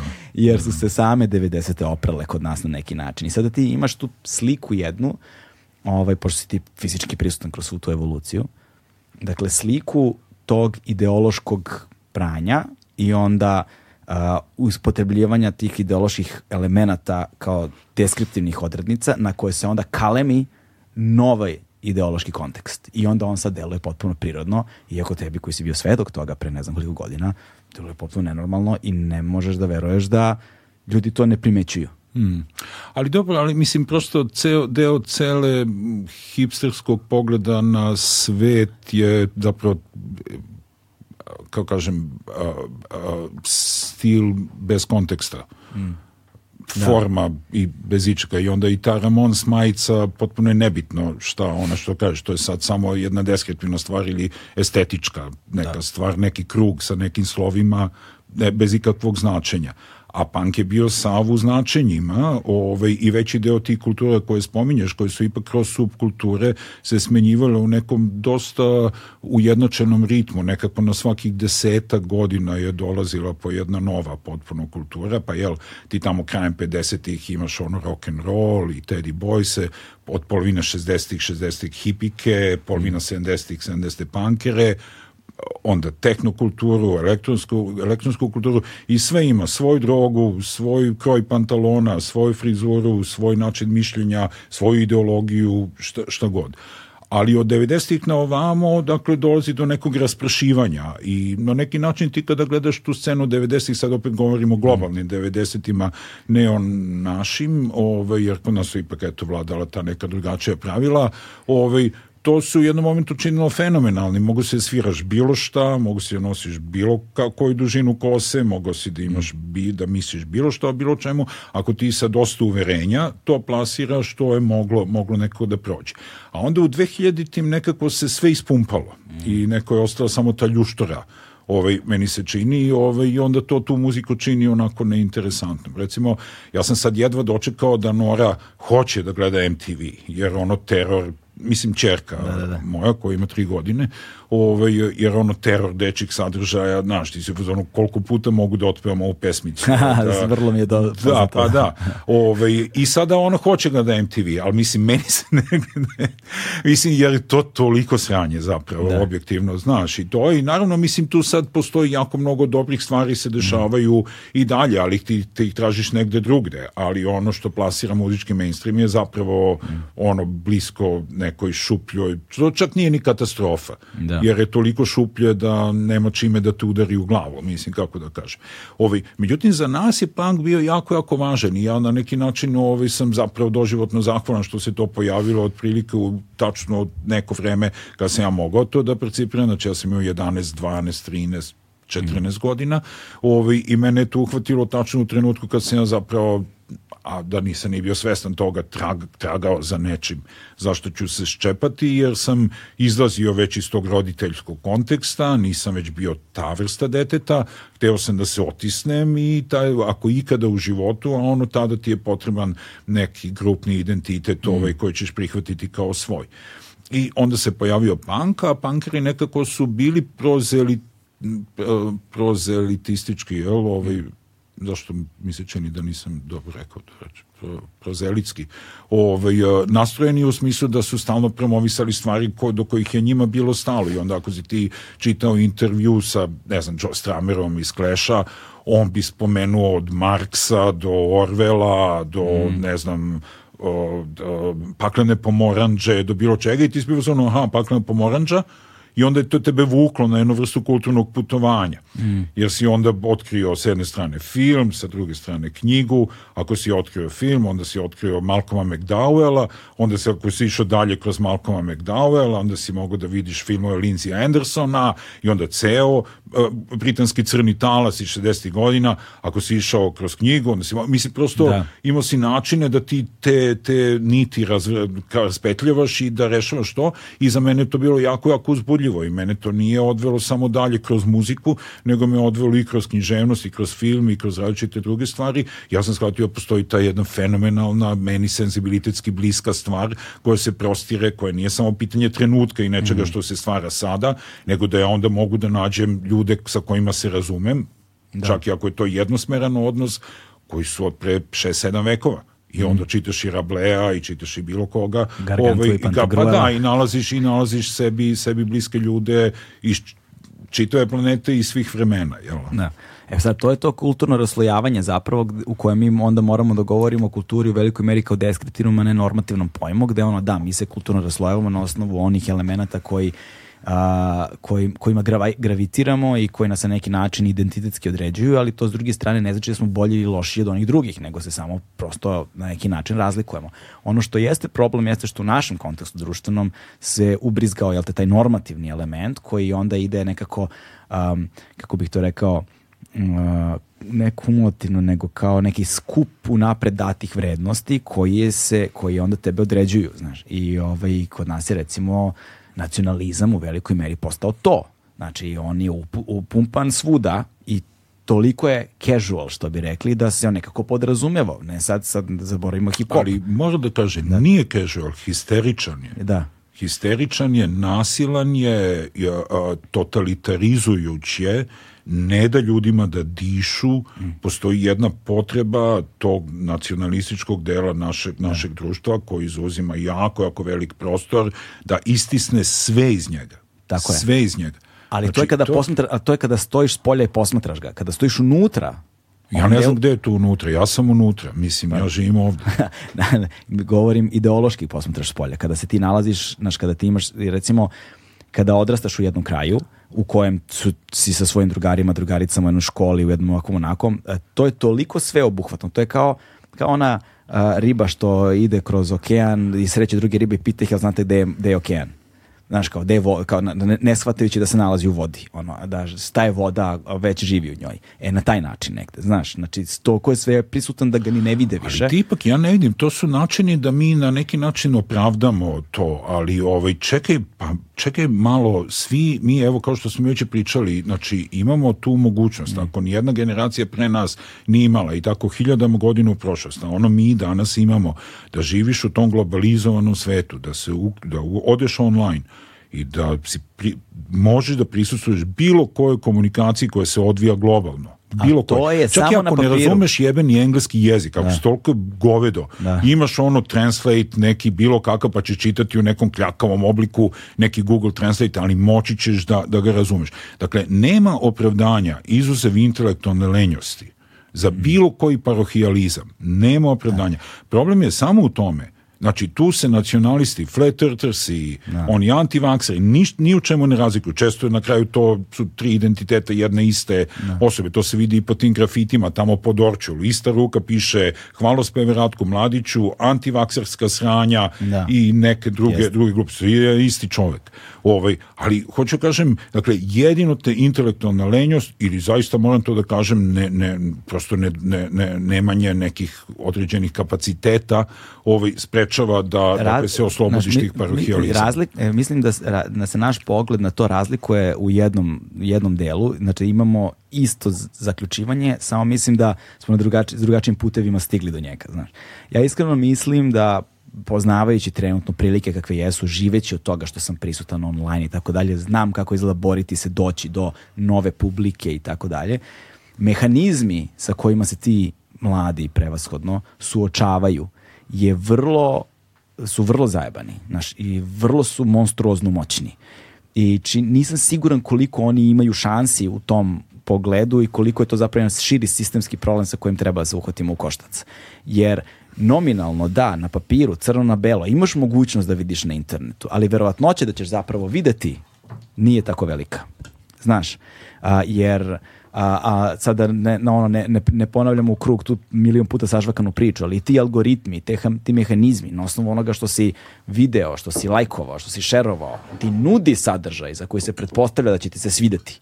Znaš, I u, pronalaženje nove vrste sadržaja iziskuje jednu vrstu truda koji nije lako uložiti, jednu vrstu prepoznavanja koje ni, koju nije lako osvestiti. Dobro, evo ovako. Mi I jednu, smo, dakle, i jednu vrstu okay. sučeljavanja mišljenja okay, okay. na koji nismo naviknuti. Dobro, znači ovako, mi smo, ja sam odrastao uz, rođen u zrelo doba mm, samopravnog socijalističkog sistema, dakle, koji je postojao u Jugoslaviji, koji je imao i svoje dobre i loše strane, ljudi često idealizuju i glorifikuju to vreme ili ga potpuno odbacuju, ovaj, ne bi mislim da je, naravno zvuči kao kranje kliša, ali u ovom slučaju zaista to jeste da je istina tu negde u nekoj, nekoj sredini. Ali ono što je odlikovalo ovaj, taj sistem jeste da je hteo da kontroliše dakle, sve aspekte stvarnosti u onoj meri u kojoj je, koje je mogao. Istina. Znači, nisi tako lako dolazio do određenih informacija, imao si samo dva kanala, ovaj, televizijska koja su oba bila državna, nekoliko radiostanica koje su takođe sve listom bile državne,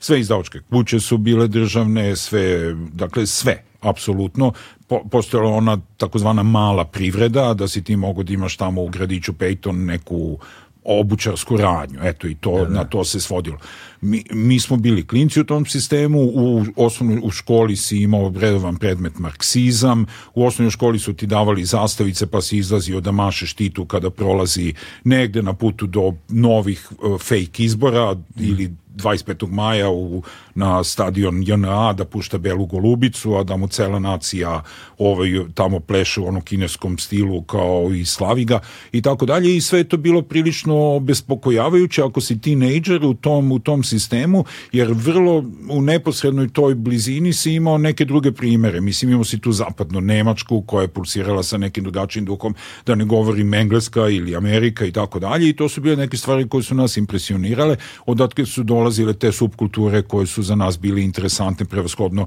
ono što se formiralo kroz rock and roll.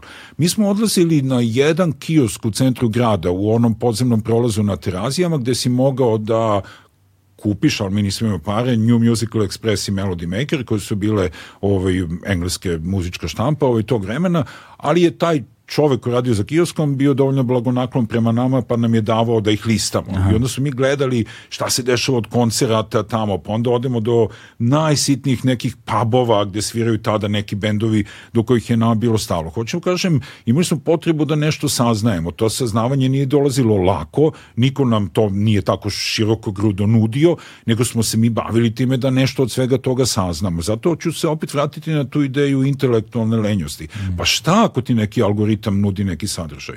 Mm. Mislim, ne mogu uopšte to da razumem. Za, zašto bi ga ti konzumirao? I meni je taj socijalističko samopredni algoritam nudio sadržaj marksizma, ali mene to nije palilo. Jeste, ali znaš šta... I nisam uopšte želao, mislim, uopšte neću da, ne znam kako da kažem, jer e, e, ovako, ja imam sina koji ima 33 godine, imam čerku koji ima 27 godina, imam sad čerku koji ima 3 godine, imam unuku koji ima 5 godina, znači ja gledam punopravno mm. odrastanje svih tih generacija. Da. Znači, nisam, nisam najvan u tom smislu i vidim šta se zapravo događa. I naravno da postoji teror tog jednog konkretnog mišljenja. Zato i kažem da je to jedan istiskujući impuls koji ne da da bilo šta drugo postoji. To počinje da se dešava sa tinejdžerima, naročito dečacima, već od tamo 13. 14. godine. Ako je situacija u porodici, vrednosti koje se promovišu u porodici se razliku od vrednosti koje su prihvaćene kao mainstream u zemlji, vrlo brzo će to dete početi da osjeća neprijatnost. Mm. Prema tome šta mama i tata, jer ako mama i tata kažu potpuno je okej okay da ti raspoložeš svojom seksualnošću, recimo mm. u, u jednom vrlo dualističkom, prilično heteronormativnom ovaj svetu gde se zna šta je belo, šta je crno, šta je pozitivno, šta je negativno, ko je heteroseksualan, ko, ko nije, će to zamrznuti tog tinejdžera i on će morati da uloži jako mnogo napora da uspostavi komunikaciju sa svojom neposrednom okolinom. Jer odmah već u tom parkiću gde on izlazi kao 13-godišnjak, postoji 15-godišnjak koji promoviše neke određene politike. Tako je, da. I to je ono što je jako interesantno. Zašto ljudi žele da se bave promovisanjem tog društva? Mm. Zašto se oni uzimaju na sebe da budu glasnogovornici nekih vrednosti kojih vuče za uši? Zašto? Ja ne mogu, pa ne znam, ja ne mogu verujem u tu ideju. Recimo, kod nas svi, svako svako optužuje da radi za sandvič. Mhm, da, da. Svako misli da je neko potkupljen. Pa da. to bi bilo fenomenalno, to je bilo toliko lako, jer ga onda ti samo potkupiš sa nešto malo više, daš mu dva sendviča. Da, I onda on ide i radi. Ne, ljudi to radi iz dubokog uverenja. Ovo što, što ostavlja mladića po zidovima, što crta slovo Z, on zaista duboko veruje. Ja vidim ono, kako je, kakva budala piše grafite na ruskom ono sad po gradu pa to stvarno treba da si previše jadan ne. da bi takve stvari radio ali ljudi to rade zašto rade iz nekog dubokog uverenja zašto misle da je to njihova uloga mm. uloga na ovom svetu i to je ono što je meni u svemu tome tužno i zašto ja ne nalazim neke jasne odgovore, jer meni zapravo nije jasno zašto od svega toga što ti je ponuđeno si ti odlučio da se predeliš baš za to. Sa tradicijom dugom skoro tri decenije, Legend Worldwide je prepoznatljiv domaći brend sa akcentom na jeans, pre svega, koji odlikuju bezvremenski, klasični modeli. E, pa za, o tome pokušavam da, to, to pokušavam ja da komuniciram, upravo to. Dakle, a, vidim da stvari jesu takve, ali pokušavam da proniknem u, u, u genezu kako je do toga došlo, znaš. I ne, nisam siguran da imam tačan odgovor, daleko od toga. Ali ono što mi deluje negde da je na dobrom tragu potencijalno, jel te? Jeste, s jedne strane imaš tu normatizaciju svih tih narativa, što je kroz sistem, kroz državu, kroz ono istorijski revizionizam, kroz obrazovni sistem, kroz ovo, kroz ono i tako dalje, jel te? Znači, to je tema koja nam je vrlo dobro poznata. S druge strane, imaš jedno duboko siromašenje društva. Znači, i intelektualno, i zdravstveno, i finansijski, i na svim nivoima, što već decenijama traje unazad. Što znači da, si ti stvor, da smo mi stvorili generaciju ljudi koji su takvi, koji su se onda, koji su onda dorodili svoju decu, pa onda imamo onu treću generaciju već gde oni su dobili svoju decu i to je sad već jedan sistem toliko duboko ukorenjen. Znaš, da je on postao opšte mesto. On je prosto postao nešto što to je ona voda koju riba ne može da vidi. Mm. Na to mislim. S druge strane, globalni trendovi, jel te, ovaj, nastavljaju tu jednu poziciju ono, neprivilegovanog društva, gde se sad doživlja to ono američki imperializam, zapadni kapitalizam, pozni kapitalizam i tako dalje i onda su oni svi anti, jel te?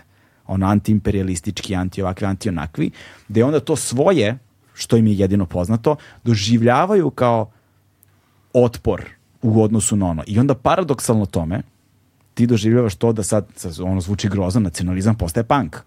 Znači u tom nekom potpuno sumanutom kontekstu, jednom svetu koji, gde on postaje navodno ti si sada time drugačiji. Ti si sad, i ono što je, i oni, onda oni sebe tu doživljavaju kao manjinu.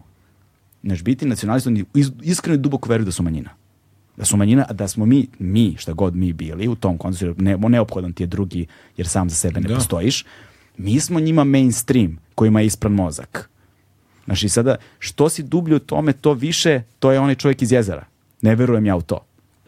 Razumeš? I sada, a onda kada krećeš od malih nogu time, postaknut celokupni društveni sad tu primaš ono, identitet, pripadnost i tako dalje. Naravno, ništa nije apsolutistički, generalno ne možeš ti tim tepihom da pokriješ celokupno društvo. Uvek se vide klinci koji su ono, zapravo to, pružaju tu vrstu otpora.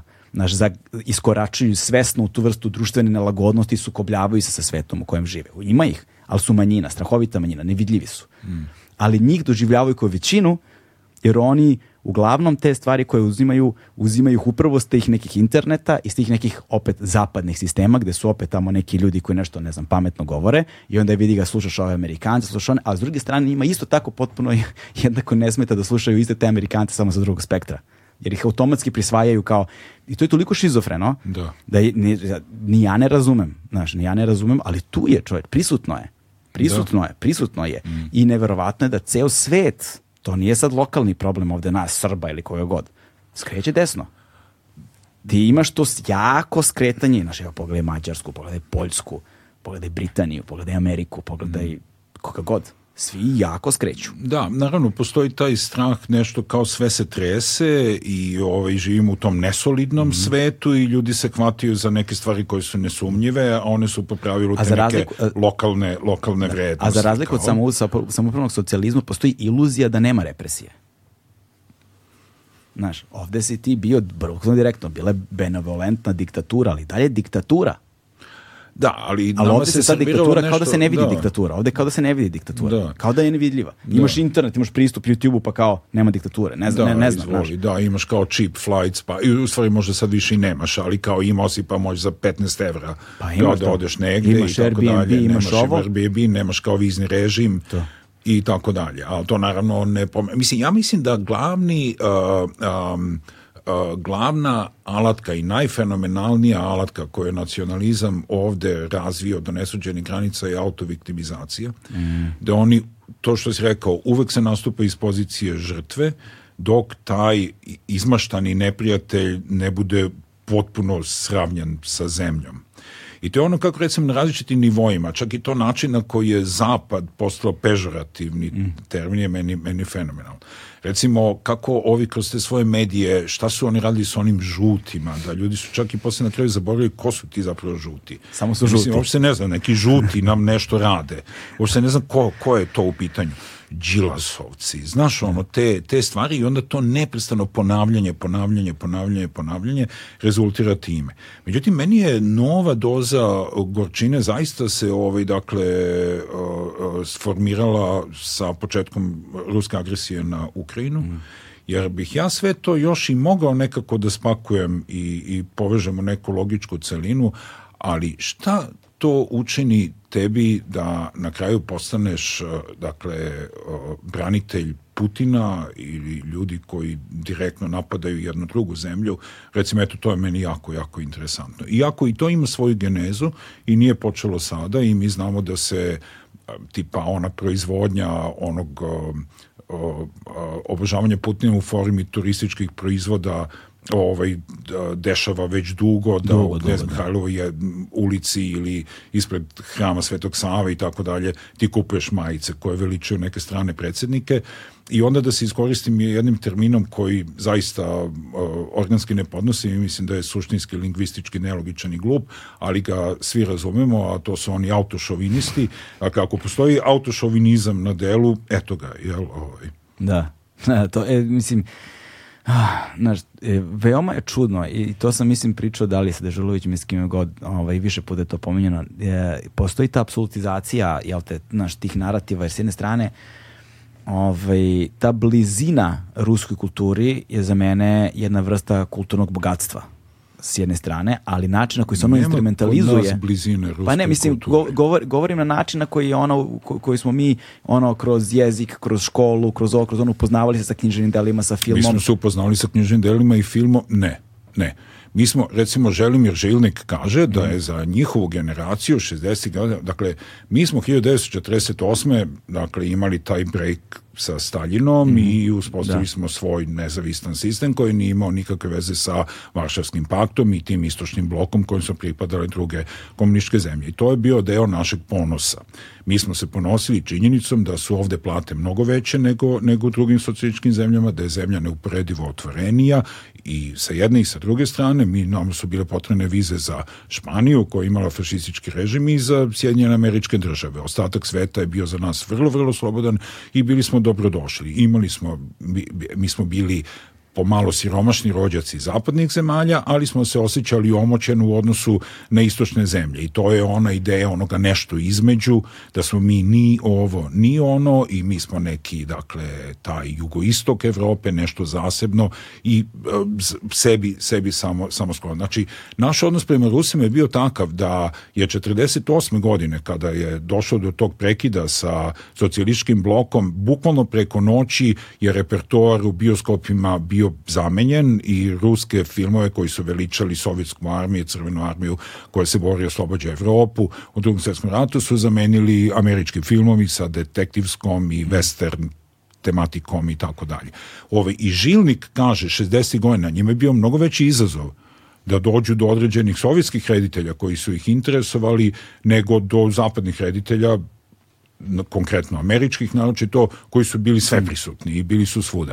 Tako da to uopšte ne stoji. Postoji jedan mit Rusije koji nastaje tamo negde od početka parlamentarizma u Srbiji od 870. godina koji koincidira sa izgradnjom železnice kroz Srbiju koja nikada nije bila završena koja se radi najpre kroz francuski kapital onda delimično kroz nemački i tada Nikola Pašić o, uh, o, uh, i dominantni političari tog vremena, dakle, uspostavljaju Rusiju kao neku vrstu kontrateže tom što su oni smatrali za narušavanje tog domaćinskog sistema koje je postao u Srbiji, jer je postao paranoični strah od železnice koja će kao unakaziti Srbiju, iako je bilo opšte poznato da je železnica uglavnom predstavljala put ka progresu i da kuda je prošla železnička pruga, da je to značilo jedno ukloplja, uklapanje u jednu široku mrežu koja je bila u ovom kontekstu našeg kontinenta evropska, ovaj jel i jedno otvaranje ka nekoj mogućnostima koje nisu nisu postojale ranije.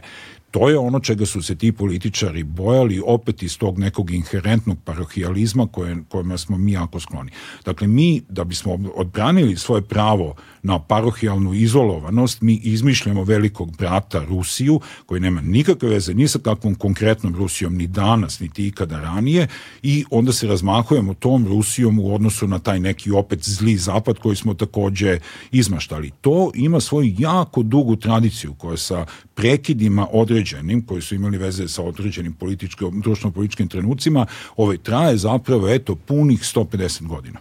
I pa eto, upravo si sebi objasnio otkud... Uh... Ali ona nema nikakve veze sa uh, proizvodima ruske kulture ili čak sa ruskom interesom, čak nema ni veze ni sa ruskim interesima na Balkanu, niti sa našim odnosom prema tim interesima na, na ovom. To je jedna, uh, kao kažem, potreba za zaštitom velikog brata, jedno priznanje nesnađenosti u globalizovanom svetu, gde ti uopšte ne umeš da nađeš ni jedan pozitivan način na koji će se obhoditi prema neophodnim partnerima koji su prevashodno neposredno okruženje, sa kojima mi svi listom sada da idemo od jedne do druge zemlje u okruženju, mi imamo duboko problematične odnese koje se nikada ni jednom nismo potrudili da rešimo, a onda sa nekim širim kontekstom, eto ako ćeš, želiš da ideš baš u koncentričnim krugovima, vidjet ćeš da nigde mi ne nalazimo nikakav način da komuniciramo sa tim svetom normalno, dok ne dođemo do nekog petog, šestog kruga i zahvatimo tu mitsku Rusiju koja sa nama mm. konkretno nema zapravo nikakve veze. I to je taj naš problem, to je da. ono u čemu se mi vrtimo, to je sad taj naš eh, vortex, kao, kako bi se reklo, da, da, vrtlog, vrtlog, da, da, da, u kome se mi nalazimo. Jeste, pa da, upravo uh, ono što sam ja želeo da kažem jeste da ta blizina kulture, znači govorim jezički, identitetski na nekim nivoima, znači kada čitamo mi naš, neke iz, rusli, ruske pisce, na primjer, ili gledamo ruski film, negde jednostavnije komunicira, znaš, manje, manje krčimo šumu do razumevanja brojnih konteksta. Pa čekaj, nego... ali mi još manje krčimo šumu, recimo, ako komuniciramo sa hrvatskom kulturom. Da, da, da, da, da, da, ne, ne, mislim, mislim da ne govorimo o istim stvarima. Samo hoću, samo hoću da kažem na koji način... Ja se... ne mislim da si upravo. pravu. Znaš, okay. Nisam siguran da je u tom mm. pitanju. Da. O, ja mislim da je stvoren jedan mit ne, koji se iz različitih e, političkih potreba perpetuirao suviše dugo i da ljudi jednostavno ne mogu da formiraju otklon sprem tog mita. I da ne I misliš da sam ja potpao po taj mit. pa ne mislim da ti to misliš. da, da, da. Ali kakav je to zapad kao neko strano telo ovde? Ne, ja to ne, recimo ne, neko, ne razumem. Pa neko, pa čekaj, mi smo u suštini, zašto mi, recimo, ja ovako, mi imamo, mi, znači, udruženje Krko, da, da. da. ovaj, imamo rezidenciju za pisce koja je evo aktivno već koju 14. 13. godinu, ovaj, ne, malo sam pretrao, ali od 2012. 10 godina. 10. Ove, I bilo je jedno 150 pisaca iz 20 i nešto zemalja.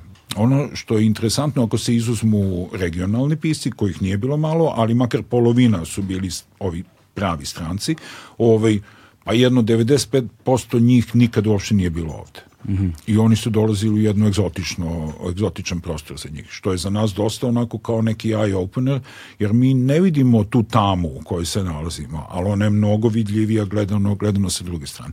Ovaj, onda šta je bilo interesantno, da je njima ovde bilo super i uvek interesantno, viđali su, sve su uvideli, jasno ime, to su ipak da kažem, prosvetljeni gosti Beograda, ljudi koji se bave pisanjem i tako dalje, ove, ali im i dalje Beograd ostavio kao i, e, dobar, interesantan utisak. Ali meni je uvek bilo veliko uživanje, ove, ovaj, pošto se mi nalazimo tamo u Karadžorđevoj ulici, ove, ovaj, da ih dovedem tamo ili na Kalemegdan ili kod nas ove, ovaj, u Krokodil i onda da im objasnim tu dinamiku dve strane reke da. i mesta gde zapravo postoji taj šav između tih kultura, od kojih je jedna ipak istočno, a druga je, druga je zapadna, jel? I da grad Beograd ima puno pravo, kao što se proširio na obe strane reke, da opkorači i jednu i drugu stvar i da su ta dva identiteta jednako važna, važna za nas i da su one načine koji se one reflektuju u različite stvari kojima se mi koristimo takođe jednako važni za nas. Postoje a, e, prostori na kojima oni funkcionišu nekonfliktno. Mm. Recimo, konkretan, dobar primer je bilo koji jelovnik u bilo kojoj kafani kod nas gde ćeš imati ćevapčiće, mislim to je little Jasne. kebabs, jel? Ovaj, i, i čulbastiju, mislim, i bilo šta, imaćeš i bečku šniclu i niko nikad neće pomisliti da ima nečeg čudnog u tome. Imaćeš i tortu, imaćeš i baklavu. Mm. I sve to živi zajedno. Imaćeš i šnit i baklavu. I, pa da, i sve to živi zajedno i da. niko ne misli o tome. I dogod ne mislimo o tome, dobro je da ne mislimo o tome. Jer onda se stvari dešavaju na jedan način koji je za nas prirodan, a za nas je prirodno da smo jedna sinkretička stvorivina koja je nastala na tom rasponu kultura koja je nastala na granici i da je to ono što je naš kvalitet, da mi ne moramo da se odričemo jednoga u ime drugoga. Da, da. Kakve veze ima da li na vrhu crkve kupola ili, ili ova, kako se zove, kula, jel, ovaj, bitno je da mi znamo zašto, je, zašto ona tu nalazi. Tako da isto recimo oni branitelji Čirilice, od čega ti zapravo braniš tu Čirilicu? U kom smislu je Čirilica ikada bila ugrožena?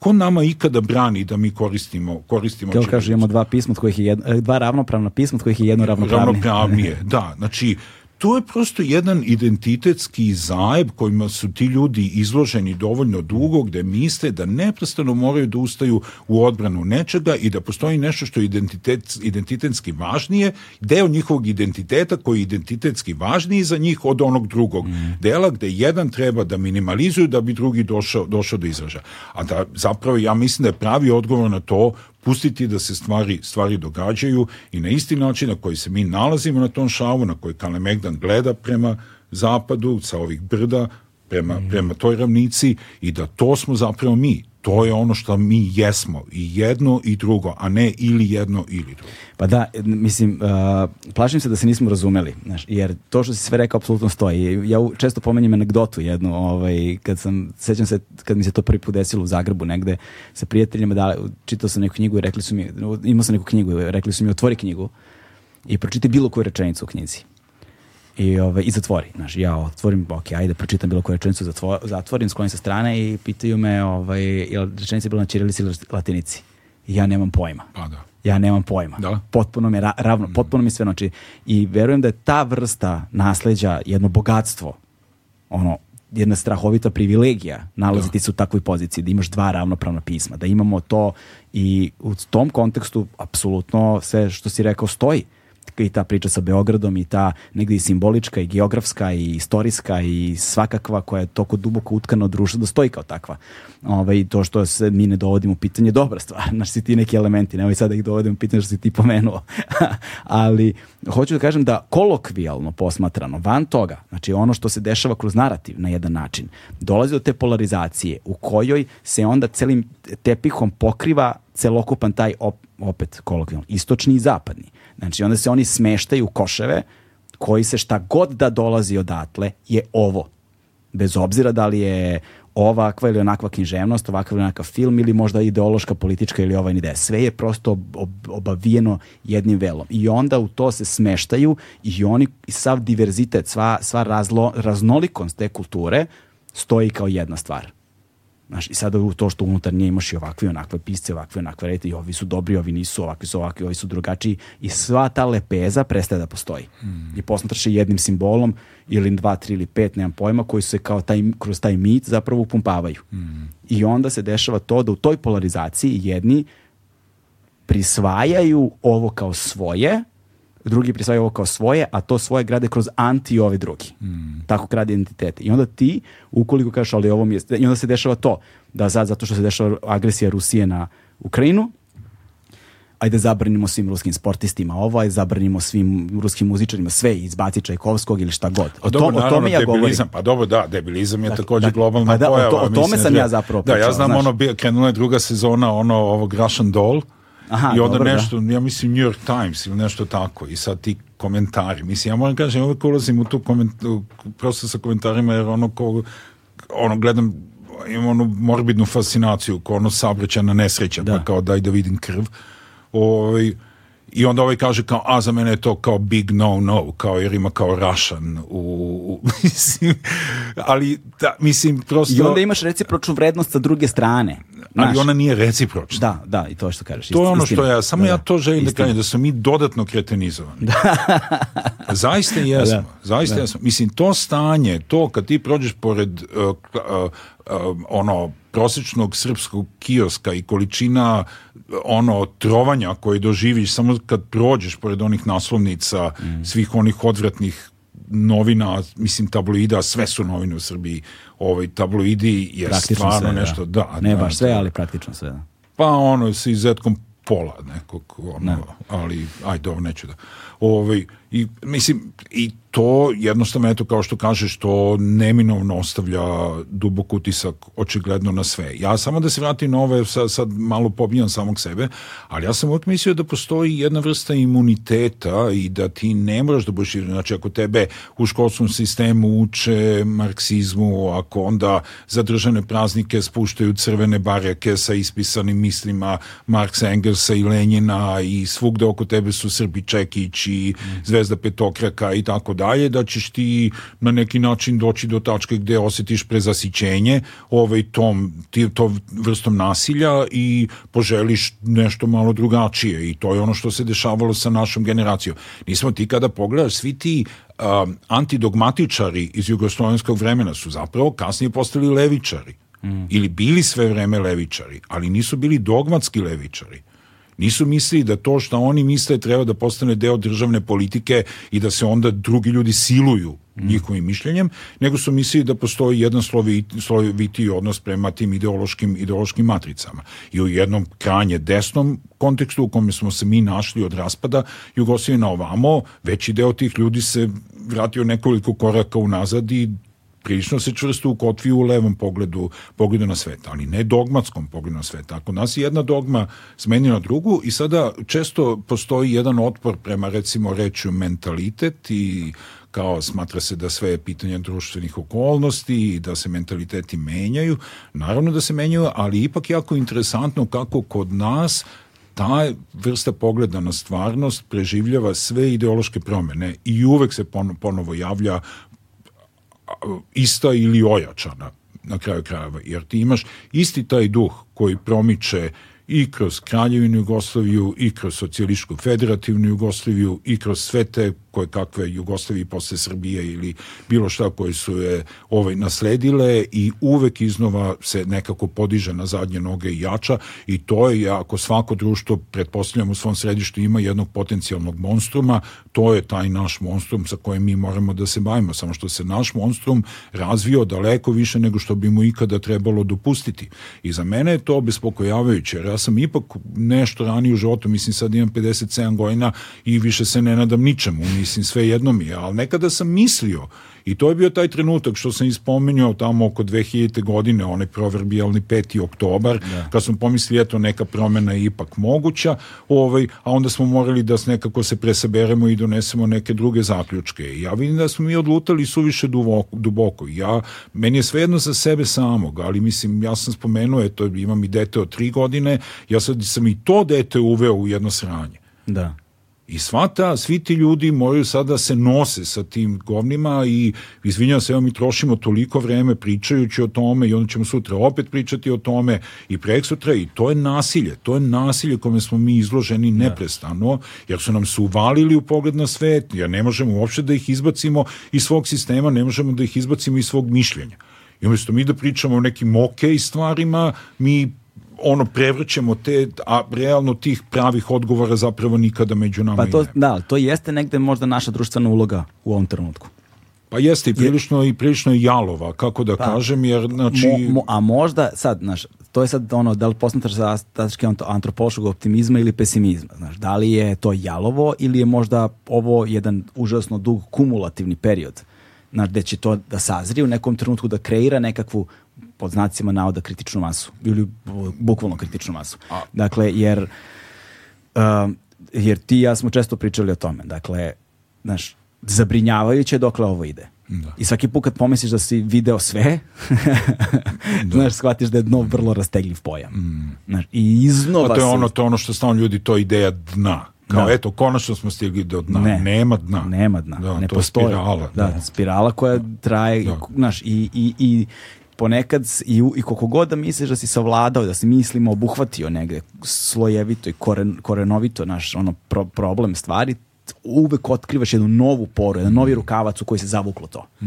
Gde da imaš uh, kroz identitete i kroz načine razmišljanja vidiš direktno oprečne stavove mm. koji potpuno nesmetano funkcionišu na izgled nesmetano, ne znam, znaš, kao da se prave ti neki, ona nekakva gimnastika mentalna, ono podsvesno da se pomire određeni pojmovi koji istorijski činično nemaju veze ni s drugima, ali su instrumentalizovani kroz jedan dominantan diskurs. A sada da nekako navučemo temu na vodenicu, gde si ti recimo otkrio uh, uh, uh, vrlo zanimljiv efekat baš toga sa, evo, nosiš ovaj, majicu ovaj, vrlo, vrlo, vrlo svesno sa a, akcijom, to je inače bio povod zbog kojeg sam te zvao, iako sam o tebi razmišljao onoliko, ovaj, sa akcijom koju ste vi kao Krokodil sproveli, pre koliko je to već bilo? Ima da dva meseca, ne?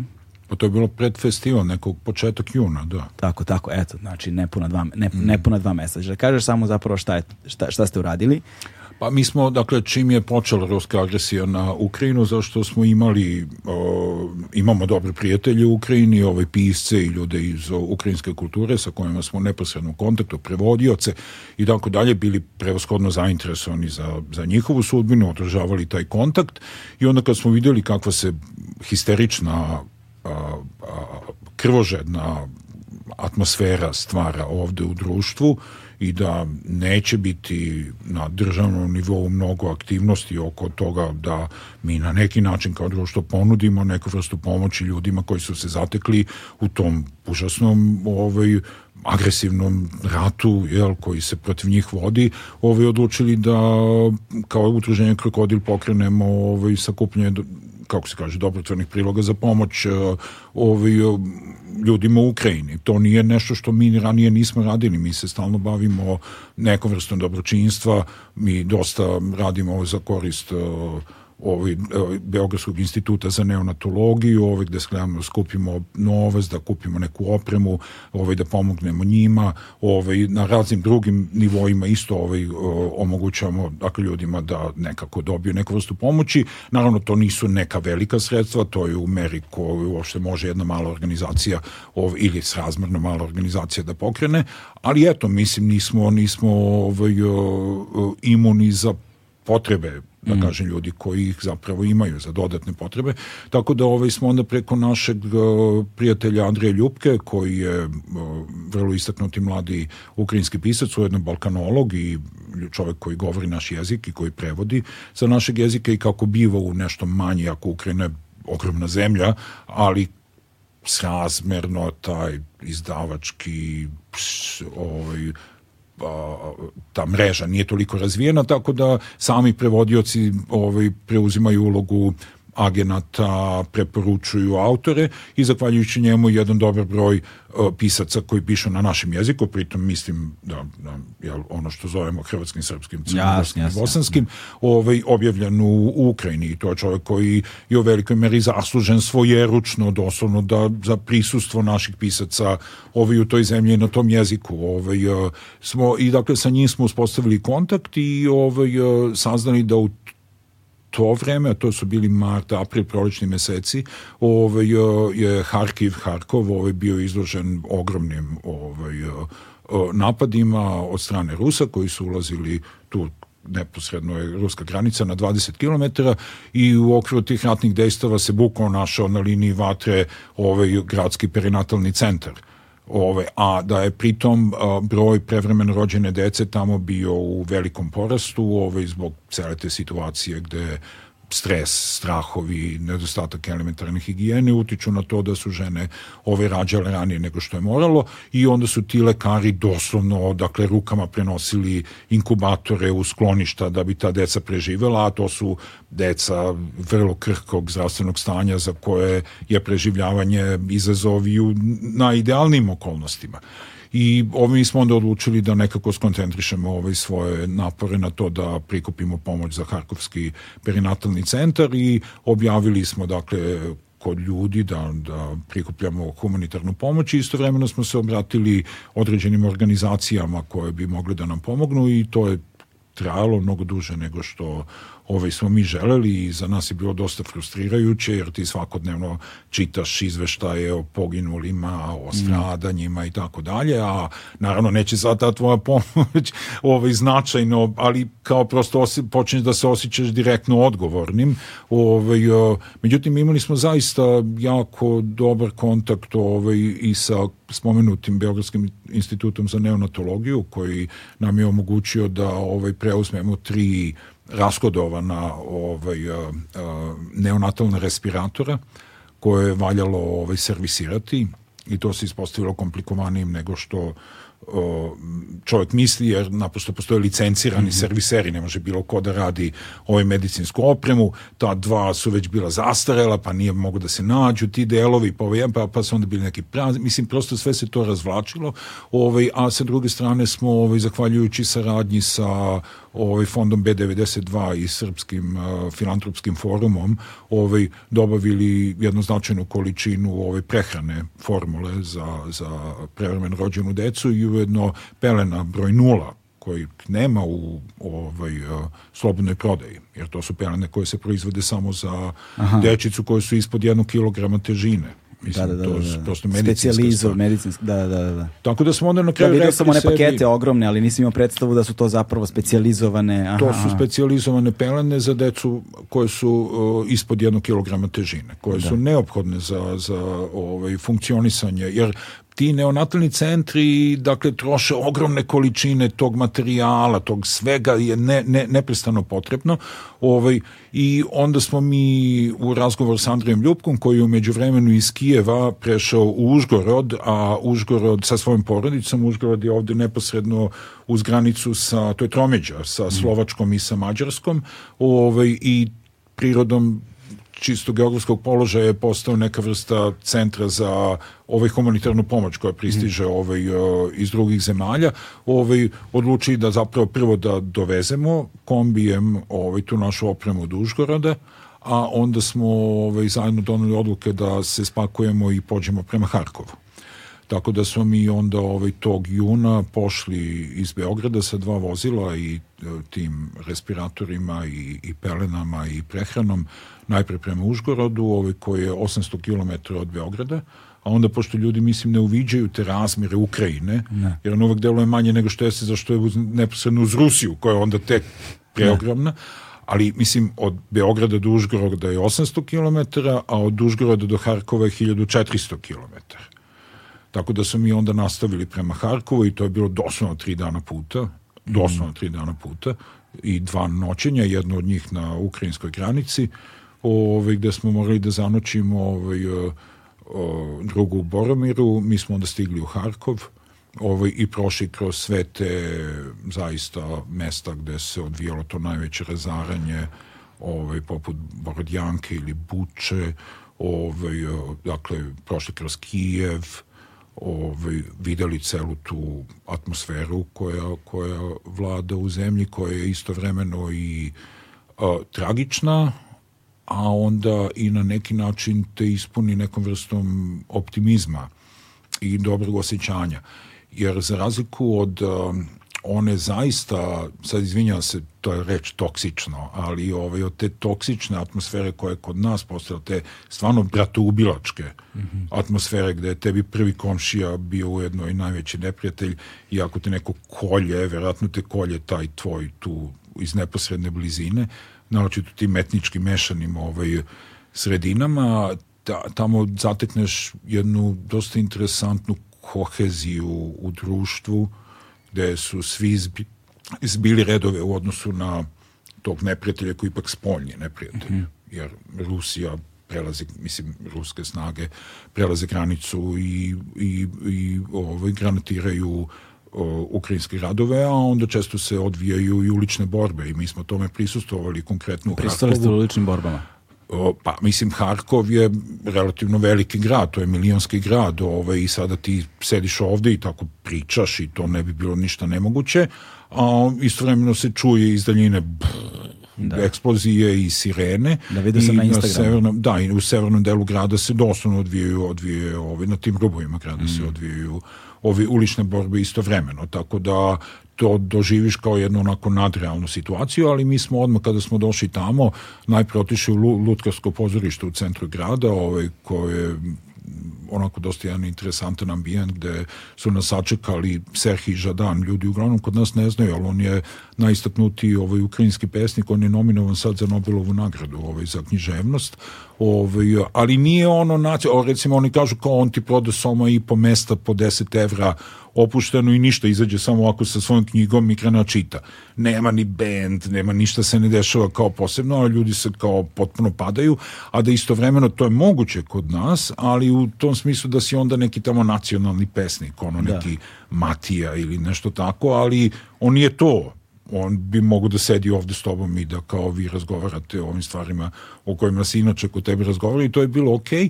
Ovaj, I on isto, kao i Andri, kao i većina Ukrajinaca, ove odlučila da dignu ruke od stvari koje inače rade i da se posvete u onoj meri u kojoj mogu da, da pomognu tom društvu da izađe iz tog sranja. Da i o, on se isto bavi distribucijom humanitarne pomoći, tako da nas je on sačekao sa nekoliko vojnika iz tog bataljona Hartija ovaj, u, u ovaj Harkovu i onda su mi zajedno sa njima odneli najpre te stvari u perinatalni centar a onda smo ta dva vozila koja smo preuzeli u Užgorodu, ta dva medicinska vozila koje su takođe stigli kao komunitarnu pomoć, odvezli u urgentni centar ovaj, u Harkovu koji je takođe stradao ovaj, pod ovaj, granatama i onda je drugo vozilo odvezeno direktno na liniju front mm. gde je predato ovaj, sanitetu, sanitetu tamo. Uh, Ovaj, tako da je to sve za nas onako bilo jedno jako intenzivno i interesantno iskustvo,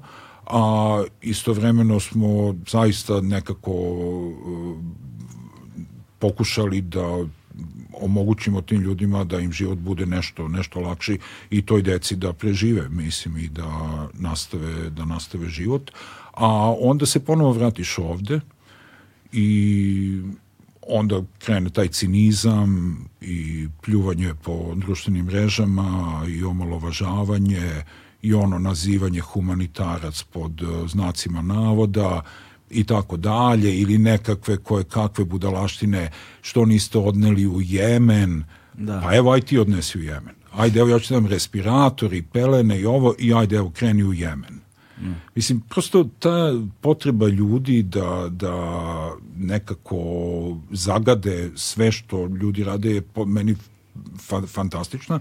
Ovaj, ja, naravno, ja sam svestan da postoji sada to, mi smo razgovarali sa nekim našim prijateljima iz Sjedinjenih država, ovaj, eh, koji ajde sad to da kažem, izvini, nisu beli. Da, ovaj, I onda on, oni kažu kao, pa da, ali kao sad ova cela, jer ja razumem, podigla se ta sada mm, pa ne bih rekao nesrazmerna, ali sva, svakako mnogo već veća količina empatije prema onome što doživljavaju Ukrajinci, nego prema onome što su doživljavali, što doživljavaju ljudi u Jemenu ili u Siriji, što su doživljavali i tako dalje. Ili onda nama kažu ljudi koji su iz e, nevladinog sektora, iz nekih većih zemalja, jako mnogo sredstava se sada skreće sa recimo afganistanskih izbaglica na ukrajinske mm -hmm. izbaglice i oni to vide kao jedan među bela, među belo saosećanje. Mm -hmm. A za nas to zapravo uopšte nije bilo to, nego samo činjenica da smo mi uvideli da postoji jedan direktan, neposredni kanal koji mi možemo da iskoristimo da dopremimo da. stvari koje smo skupili direktno do onih kojima je to, kojima je to potrebno. I ovako ti daš šta u neki opšti neki, idu neki kontejneri koje organizuje ne znam ko i ti sakupiš neku humanitarnu pomoć, mm. ubaciš tamo i nemaš pojma šta se sa tim dogodilo. Ovako, mi smo zaista odabrali jednu instituciju, dopremili pomoć njima, videli tamo te ljude, istovarili te stvari i vratili se nazad kući. Jedna stvar u vezi sa ovaj, tim, pa, znaš, to je sada malo kompleksnije.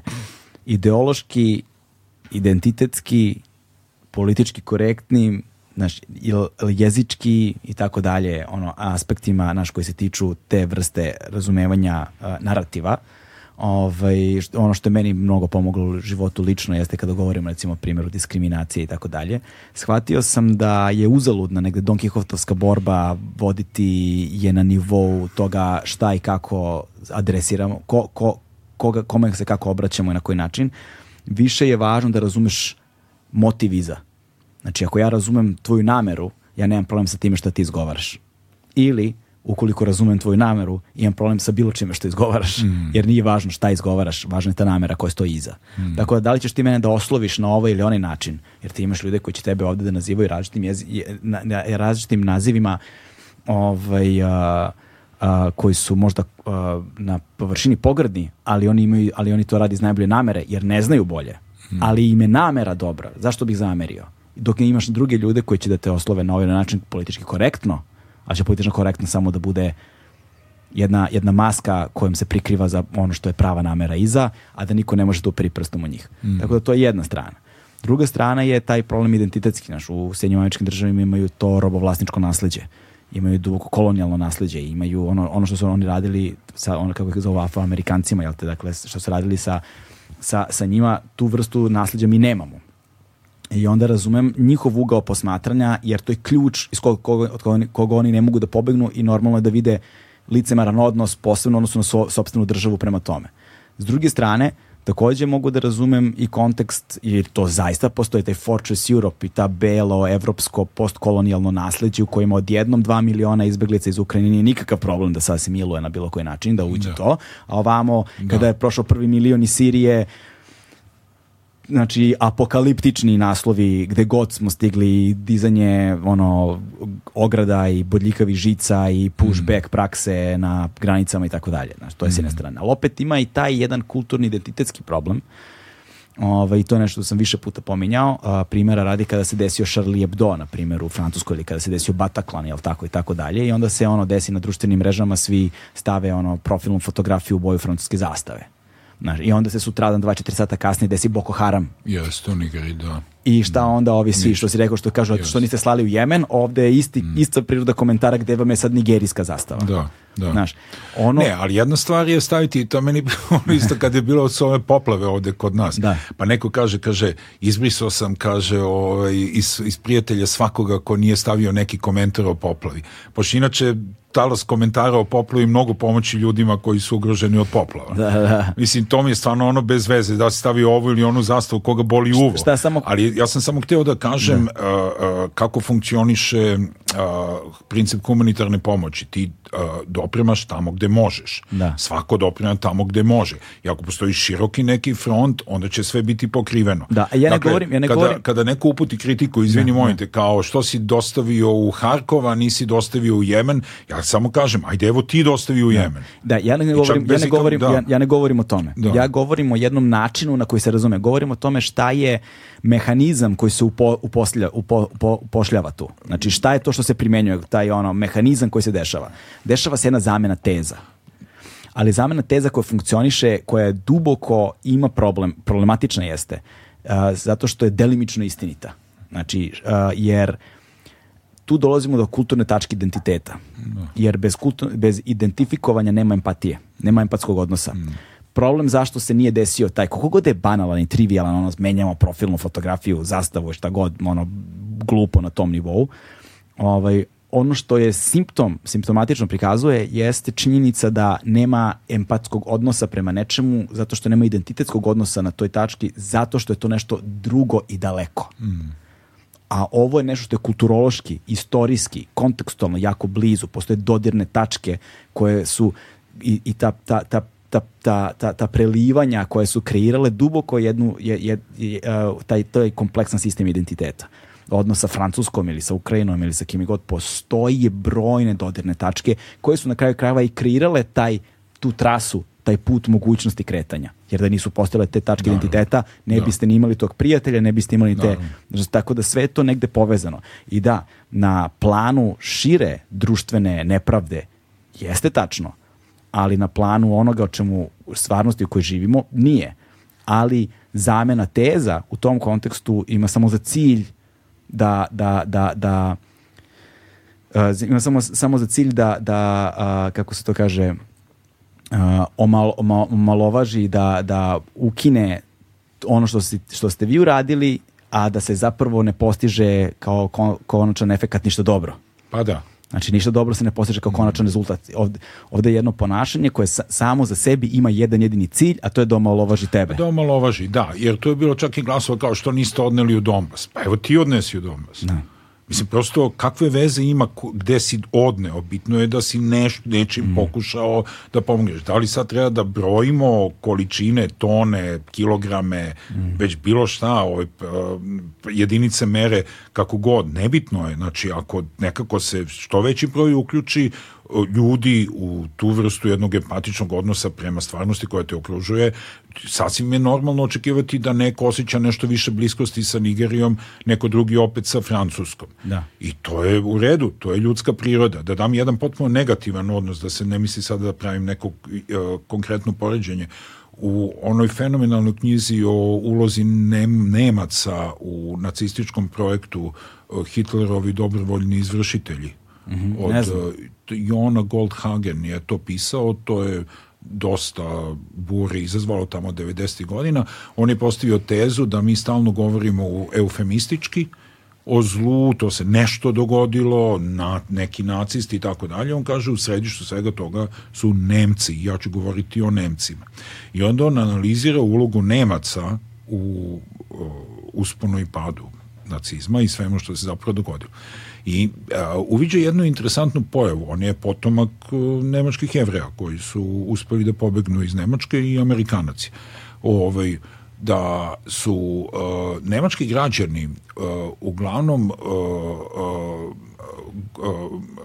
razmišljali o jevrejima u opštim terminima i to je bila neka masa, jevreji kao takvi, koji su znači, bili sličnim pacovima, uništavaju nemačku kulturu, kontrolišu e, tokove kapitala, već kako je to već sve mhm. izgledalo. Međutim, ako se desilo da taj isti nemački građanin ima komšiju Avrama, on je komšiju Avrama izuzimao iz tog e, opšteg gledija i to je sve važilo za evre, ali ne za komšiju Avra, Avrama, jer on je fin pristojan čovek koji... Vrlo mi je poznato to. Da. Iz ličnog primera. Da. da. I znači sad samo da se, da se mm. vratim mm. na ovo.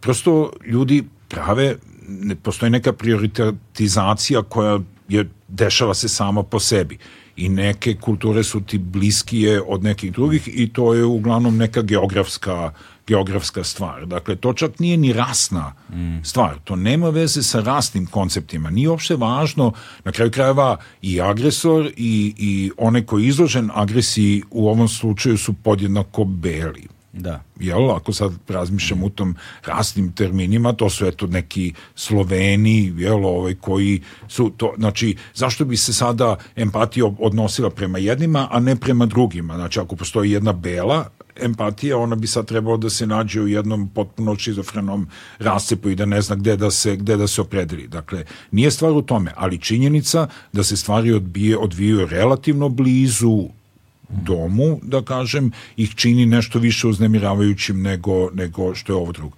Sa druge strane, recimo, bilo interesantno sa bliskoistočnim izbeglicama. Oni su doživljavali razne vrste um, skrutinizacije od strane onih koji ih nisu želeli.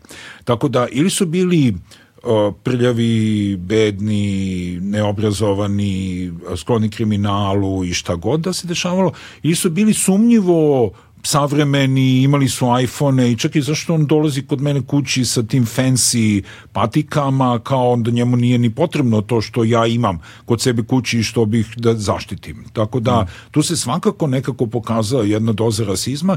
Ja se sećam da u tom trenutku, iako naravno razlozi su bili nešto, ovaj, kako bih rekao, ovaj, um, uh, više računđijski, ali e, sećam se da sam tad nakon dugo vremena osetio neko zadovoljstvo načinom na koji je Srbija se obhodila prema tom problemu. Jer smo mi putovali, Milena i ja, sa Navidom Kermanijem, koji je o, najistaknuti islamolog u Nemačkoj, on je iranskog porekla, ovaj, koga je angažavao Die Zeit da napiše jedan veliki ovaj, tekst o izbegličkoj krizi i toj balkanskoj ruti ovi, i mi smo išli dole do Preševa, mm -hmm. pa onda kroz Makedoniju, pa skroz do Idomenija ovaj, u Grčkoj. I to je bio onaj trenutak kada je po 5000 zapravo izbjeglica prelazilo ovaj, eh, sa jedne na drugu, na drugu stanu. I daleko od toga da je to Preševo bilo fenomenalno, mislim to je bio jedan haos, ali smo mi ipak videli dosta nekog normalnog ophođenja ovaj, prema tim ljudima i nismo prisustovali nekakvom nasilju, prisustovali smo nekim jadnim pokušajima da se zloupotrebi njihova situacija, koji su bili zapravo individualni, a ne sistemski, gde bi a, ovi autobusi koje treba da ih prede dalje su bi naplaćivali po deset puta više nego što je zapravo trebalo ili recimo na makedonskoj strani gde su nudili ono banana, evro ili pakla cigareta 10 evra, mislim i tako dalje, a da ti pritom to nudiš ljudima koji dolaze bukvalno sa ono on stvari koliko su uspeli da sakupe od kuće i koji bukvalno peške mm. prelaze čitav taj put i onako prilično jadno. Ovaj ali na neki način smo videli da, dobro, naša zemlja je tada bila svesna da ako otvorite kapije na jednoj i na drugoj strani, ovdje će samo proći, jer niko ni ne želi da bude ovde da i to su neko da. dobro, dobro razumeli. Ovaj, čak se ja sećam da smo i videli ovde jednog tipa, ovaj, jer smo bili po Beogradu, pa smo bili na onim parkovima, onim neznavičnim okupljalištima, mm. ovaj, tamo po Sava Mali, ovaj, da nam je ovaj bukvalno pokazio ovako mapa Evrope i ovako za, zaokružen Berlin i Stockholm Da, da, i, to je to. To su oni videli, ovo sve drugo ništa za njih nije praktično praktično ni postojalo. Ovaj tako da ovaj eto to je neka ta sad čudna stvar za koju ne, ja ne mislim da je rasno pitanje, nego da je naprosto pitanje toga šta ti je bliže srcu, a obično ti ono E, bliže srcu ono što ti je geografski bliže. Ba, na, me, e, metaforijski i metonimijski. A to ono što sam, e, dakle, na svom primjeru to mogu da potvrdim zapravo, jer toliko puta sam se sretao i odrastao sam u takvom okruženju na kraju krajeva gde sve ovo o čemu smo govorili od iz prve polovine razgovora, dakle od ono nacionalizama koji su se uvukli u svaku moguću poru društva i kulturno i popkulturno i ovako i onako ovaj, gde onda ti sediš i prisustuješ razgovorima o kojima i ovima i ovima i ovima ali ne tebi, ti si naš. Znaš, i taj, taj, taj faktor je potpuno čudan, znaš, ali čudan je i način na koji on kreira kratke spojeve u tebi. Čekaj, ti to kažeš kao ti. Kao ja, kao u, ja, u ra... svoje ime, znači u svom odrastanju, razumeš? Znači to je ono, ovim smetaju, ovim smetaju, ovim smetaju, koji su drugačiji, jer, znaš, ja dolazim iz mešovitog braka, uh, ono, etnički, da. konfesiono rasno, i rasno, da. znači po svim osnovama. Da. Znaš, i milion puta sam prisustvovao razgovorima u kojima je bumajku i ovima i ovima i ovima. Ali ne tebi. Ali ne, meni ti, ti si, naš. Ti si taj komši Avram. Da, da, to, to je, ti si, ali ti si naš. Naš, šta god naš onda u tom kontekstu značilo. značilo. Znaš, kao jer ali i ovi su naši.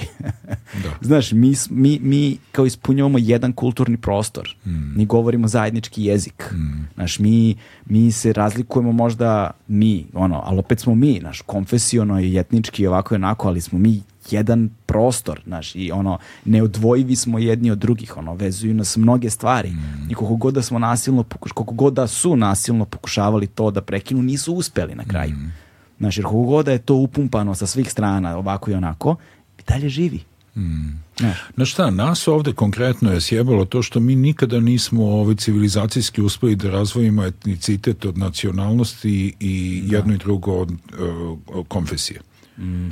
I da. ti si u onoj meri a, kao kažem a, više Srbin u kojoj si pravoslavac i srbijanac ili si više gra, Hrva, Hrvat, u, etnički Hrvat kao građanin Hrvatske i katolik mm. i tako dalje. Dakle, u Bosni je nažalost razoren taj opšte bosanski identitet I recimo to je ono gdje je možda najveće zlo učinjeno u, u tim ratovima 90-ih, kako je gotovo da niko nije ni postao svestan.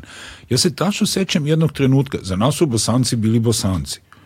Kao tam, to su uopšte, da li se on zove Goran ili Muharem ili, ili, ili, ili ne znam, stipe, otko znam, lupetam, je bilo potpuno irelevantno. Oni govore na jedan određeni način, po pravilu su imali kao dobar smisao za humor, ovaj, i po tome se ih prepoznava. Ja sećam tek naknadno da sam se ja vraćao unazad i tad sam shvatio koliko su stvari postane morbitne, ovaj, da sam ja razmišljao, a, da, da, pa Goran Bregović, znači on je šta, on je valjda Hrvata, opet uh, go, go, Ređić, valjda je on ovo, i, znači ove članove Bijelog dugmeta ne, da, ili da. nekih bendova, da smo mi onda krenuli da ih svrstavamo u neke etničke, da, grupe, kao bošnjake, srbe i hrvate ili eventualno neke druge, treće ili četvrte, a da pre toga su oni nama bili samo isključivo bosanci. Mm. I recimo to je ono što je stvar učinilo jako, jako komplikovanom za od sad pa da zaovek u zemlji Bosne i Hercegovine, zbog koje teško da će ona ikad imati neku bolju budućnost od ove stvarnosti koju živi danas, makar u ovom, u ovom obliku, ali takođe i u čitavom regionu, jer mi nekako ne, ne, da, ne da nam nešto od ozdo da napustimo te identitete. Oni se vuku zajedno sa tobom kao neki bagaž koji je užasno težak i koji, eto, makar neki od nas, evo mogu kažem, možda samo ja, ali eto, za jednog makar znam, apsolutno ne želi. Mene ništa od svega toga ne interesuje. Ja se nikad nisam identifikovao ni sa uh, uh, srpskim etnicitetom, ni sa činjenicom da imam pasoš ove ili one zemlje, niti sa nekim generalnim, konfesionalnim, kao kažem, kontekstom u kome mi živimo. Ja sam duboko a religiozan, ne zanima me ni jedna religija, mislim zanima me kulturološki, ali ne, ne verujem u ta sranja. Ovaj, istovremeno bih, da budem iskren, imam dva pasoša, imam hrvatski i srpski pasoš, ja sam se igrom okolnosti rodio i odrastao u Hrvatskoj, a onda ostatak života žive ovde. Imao bi bilo koji drugi pasoš na ovom svetu samo da mi se nudi, jer za mene je to samo način da budeš slobodniji da. na planeti, na planeti zemlji i nikad nisam uvideo čega to specijalnog ima u tome identitetu kojim je uvaljen, kojim ja treba da se nešto osjećam ponosnim, a to je u ovom konkretnom slučaju srpski, da. srpski nacionalni, to je etnički, etnički identitet. Jer nekako, ako se vratimo na ono što smo pričali na početku, mislim, obrazovani smo na nekoj opštoj svetskoj kulturi, čitali smo sve te pisce, slušali sve te bendove, način na koji sam ja postao ono što sam ja, ima vrlo malo veze sa tim proizvodima koji su nastali lokalno, kako da, da kažem. Da, ali je zanimljivo ja, kako postoje ti proizvode koji su nastali lokalno i unutar tih proizvoda koji su nastali lokalno imaš ljude koji su izrastali uz isto to u što si ti odrastao, ali su ih preveli na neki način u ovo. Znači ti imaš ljude koji su duboko na suprotnoj strani od one koje ti stojiš i koji razumiju i taj film i tu književnost i to su sve čitali i slušali tu muziku, pa ne, svakom svoje. Ja nikome ništa ne spomenem. Samo ne, ne. A, a, samo, kaže, a meni je samo zanimljivo kako se, ti, kako se ti mehanizmi funkcioniš unutar toga. To nas vodi sad do tog posljednjeg dela razgovora, ono, spe, najspekulativnijeg do sada.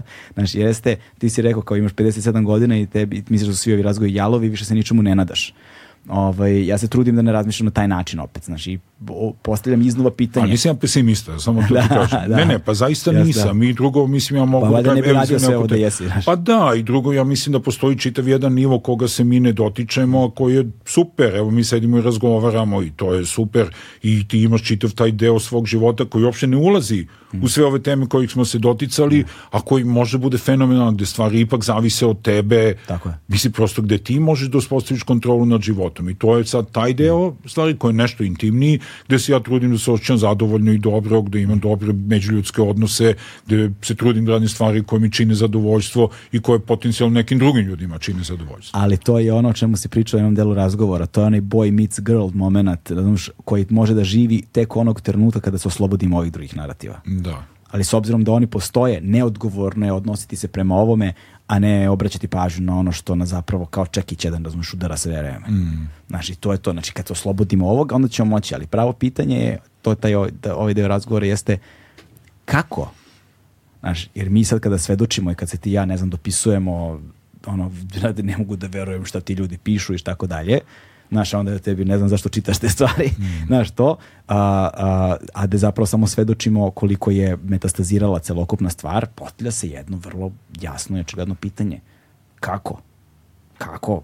Znaš, koji je, koji je sledeći korak? Koji, na koji način se ovo zapravo povlači kočnica ovom jednom mehanizmu koji toliko dugo je već ono pod ono inercijom ogromno, znači mm. kako ga zaustavljaš, kako zaustavljaš voz koji ide nizbrdo bez kočnica. Mm. Znaš to? A kako onda kad ga zaustaviš ideš u suprotnom smeru? Mm. Pa pazi, mi smo ovaj, e, opet sad vjerojatno po peti put, da kažem, udruženje Krokodilo da. ovaj, e, um, se bavili, bavimo se različitim ovaj, e, stvarima koje prepoznajemo kao neke neurologične probleme ovaj, u društvu i društvima koje nas okružuju, dakle u tom našem kontekstu tog prostora koji je neimenovan, zovemo ga regionom, kako god, bivšom Jugoslavijom, mislim kako god, ali činjenica da postoji taj jedan prostor gde mi nismo baš u inostranstvu, jel, i on je manje više se poklapa sa nekadašnjim granicama Jugoslavije. Mm. Ovaj, i o, dakle bavili smo se pitanjima ovaj zajedničkog jezika kao što sam spomenuo ovaj gde da smo bili izloženi tom vrstom identiteta to vrst identitetskog to deklaracija nasilja, o zajedničkom jeziku deklaracija o zajedničkom jeziku i ovaj projekat koji joj je prethodio jezici i nacionalizmi gde smo imali seriju tih lingvističkih konferencija ovi u sve četiri zemlje koje dele zajednički jezik i pokušali da razbijemo taj mit o četiri različite jezika i dokazali da je to lingvistička besmislica, da je mm. to jedan policentrični jezik sa četiri standarda ovaj, o, o, i da... Ono što smo nekada toga, znali. što mi znamo sve vreme. Tako je, da. Jer niko, ni, ni od svih tih govornika tog jezika i uključujući najhardkor nacionaliste među njima ne, ne, ne traži prevodioca kada da se susretne sa nekim od drugih govornika mm. tog jezika bez obzira na standard. Tako da je to jedan bullshit identitetski, mislim, koji se perpetuira kao i mnogi drugi. A onda smo videli, bilo nam je jako interesantno, jer smo imali jedan osjećaj neprijatnosti sprem toga što činimo, jer nam se činimo kao se treba dokažeš da je voda tečna. Mm. Svi sve znamo. Ali je nekako manipulacija ipak bila poprilično uspešna. I to smo i videli, Postoji jedan veliki broj ljudi koji brani tu tezu. Da su to četiri zasebna jezika, ovaj, ali nekim slučajem se kao razumemo. razumem i onda smo shvatili da se manipulacija odnosi na sve ono što u obrazovnom sistemu pripada grupi nacionalnih predmeta. Mm. Istorija prevashodno.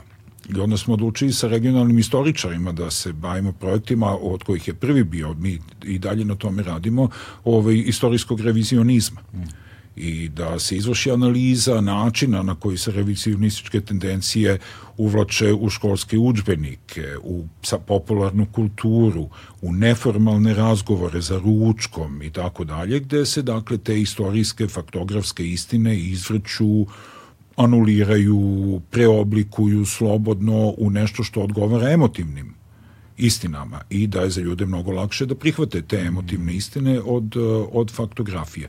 Ovaj, ono što je Izvinite, vidljivo... to je vrlo zanimljivo. Nisam razmišljao o kontekstu emotivne istine. Pa, prosto emotivne istine su jako snažne kada smo mi razgovarali o onom ambijentu gde smo mi sad izloženi tom bombardovanju informacija gde je nama nemoguće da odlučimo koja je informacija prava i koja je proverena i gde počinjemo da sumnjamo, kao što si ti tada rekao, mm. u sve i u izvor i u onoga koji nam je prenosi i tako dalje, dok ne dođemo onda do one krajnje tačke kada je sve zavera i gde onda poverujemo da ne postoji Australija. Da, nego da, su da. nam je kao uvalili, izmislili.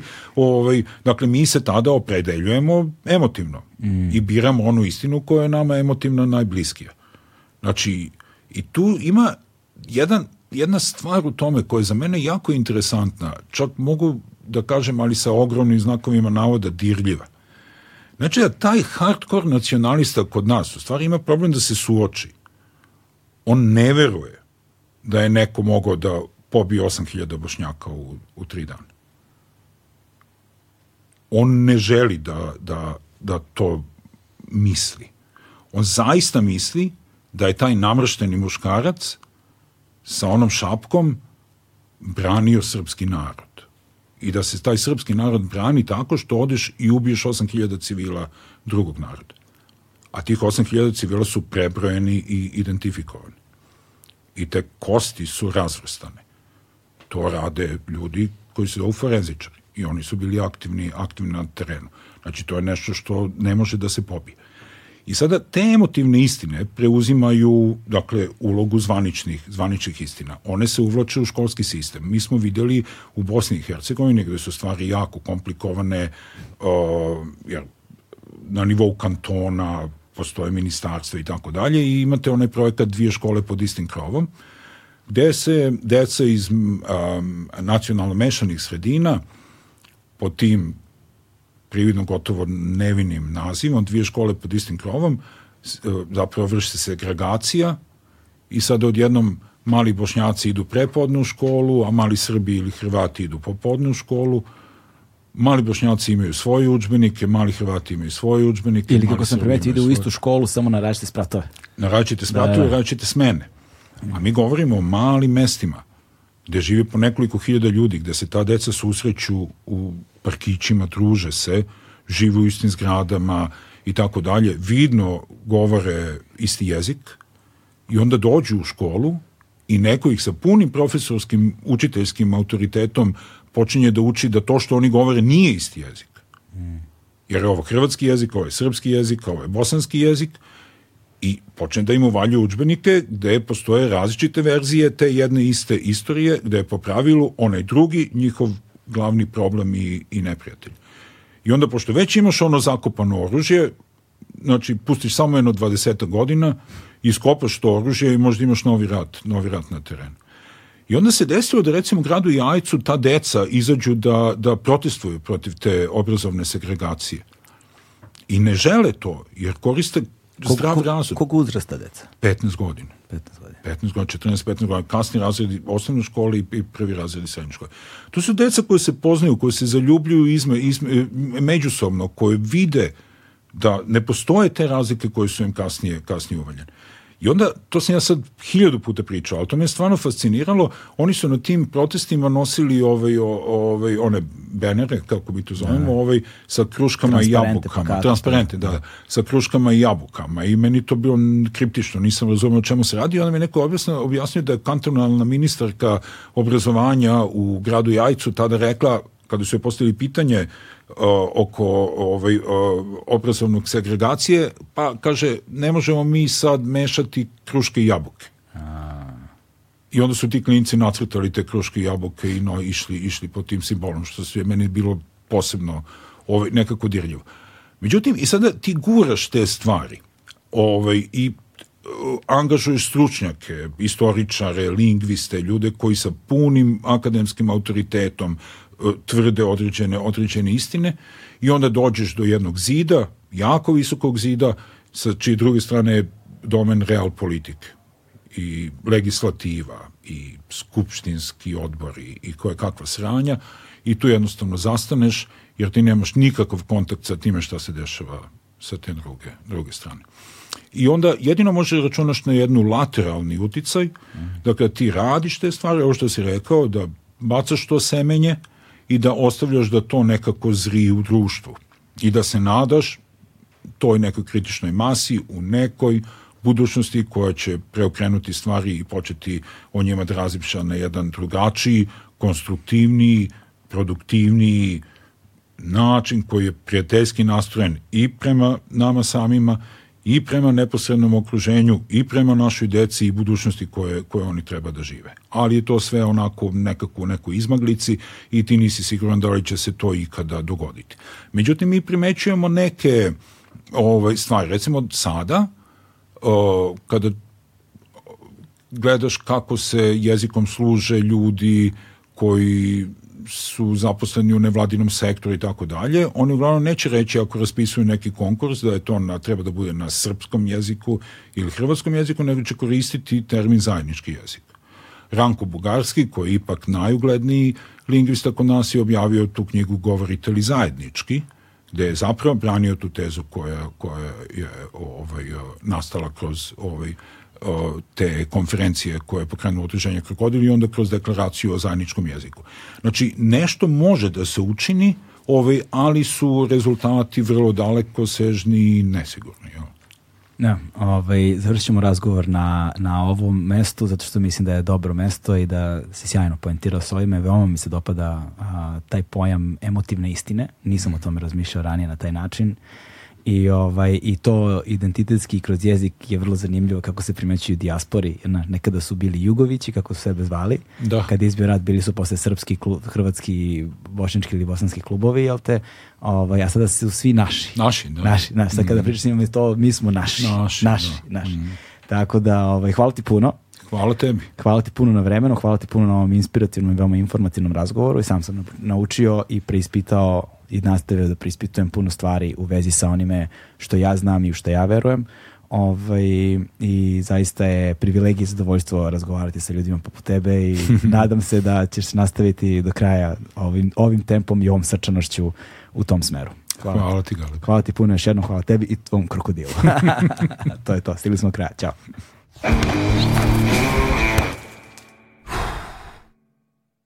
Hmm.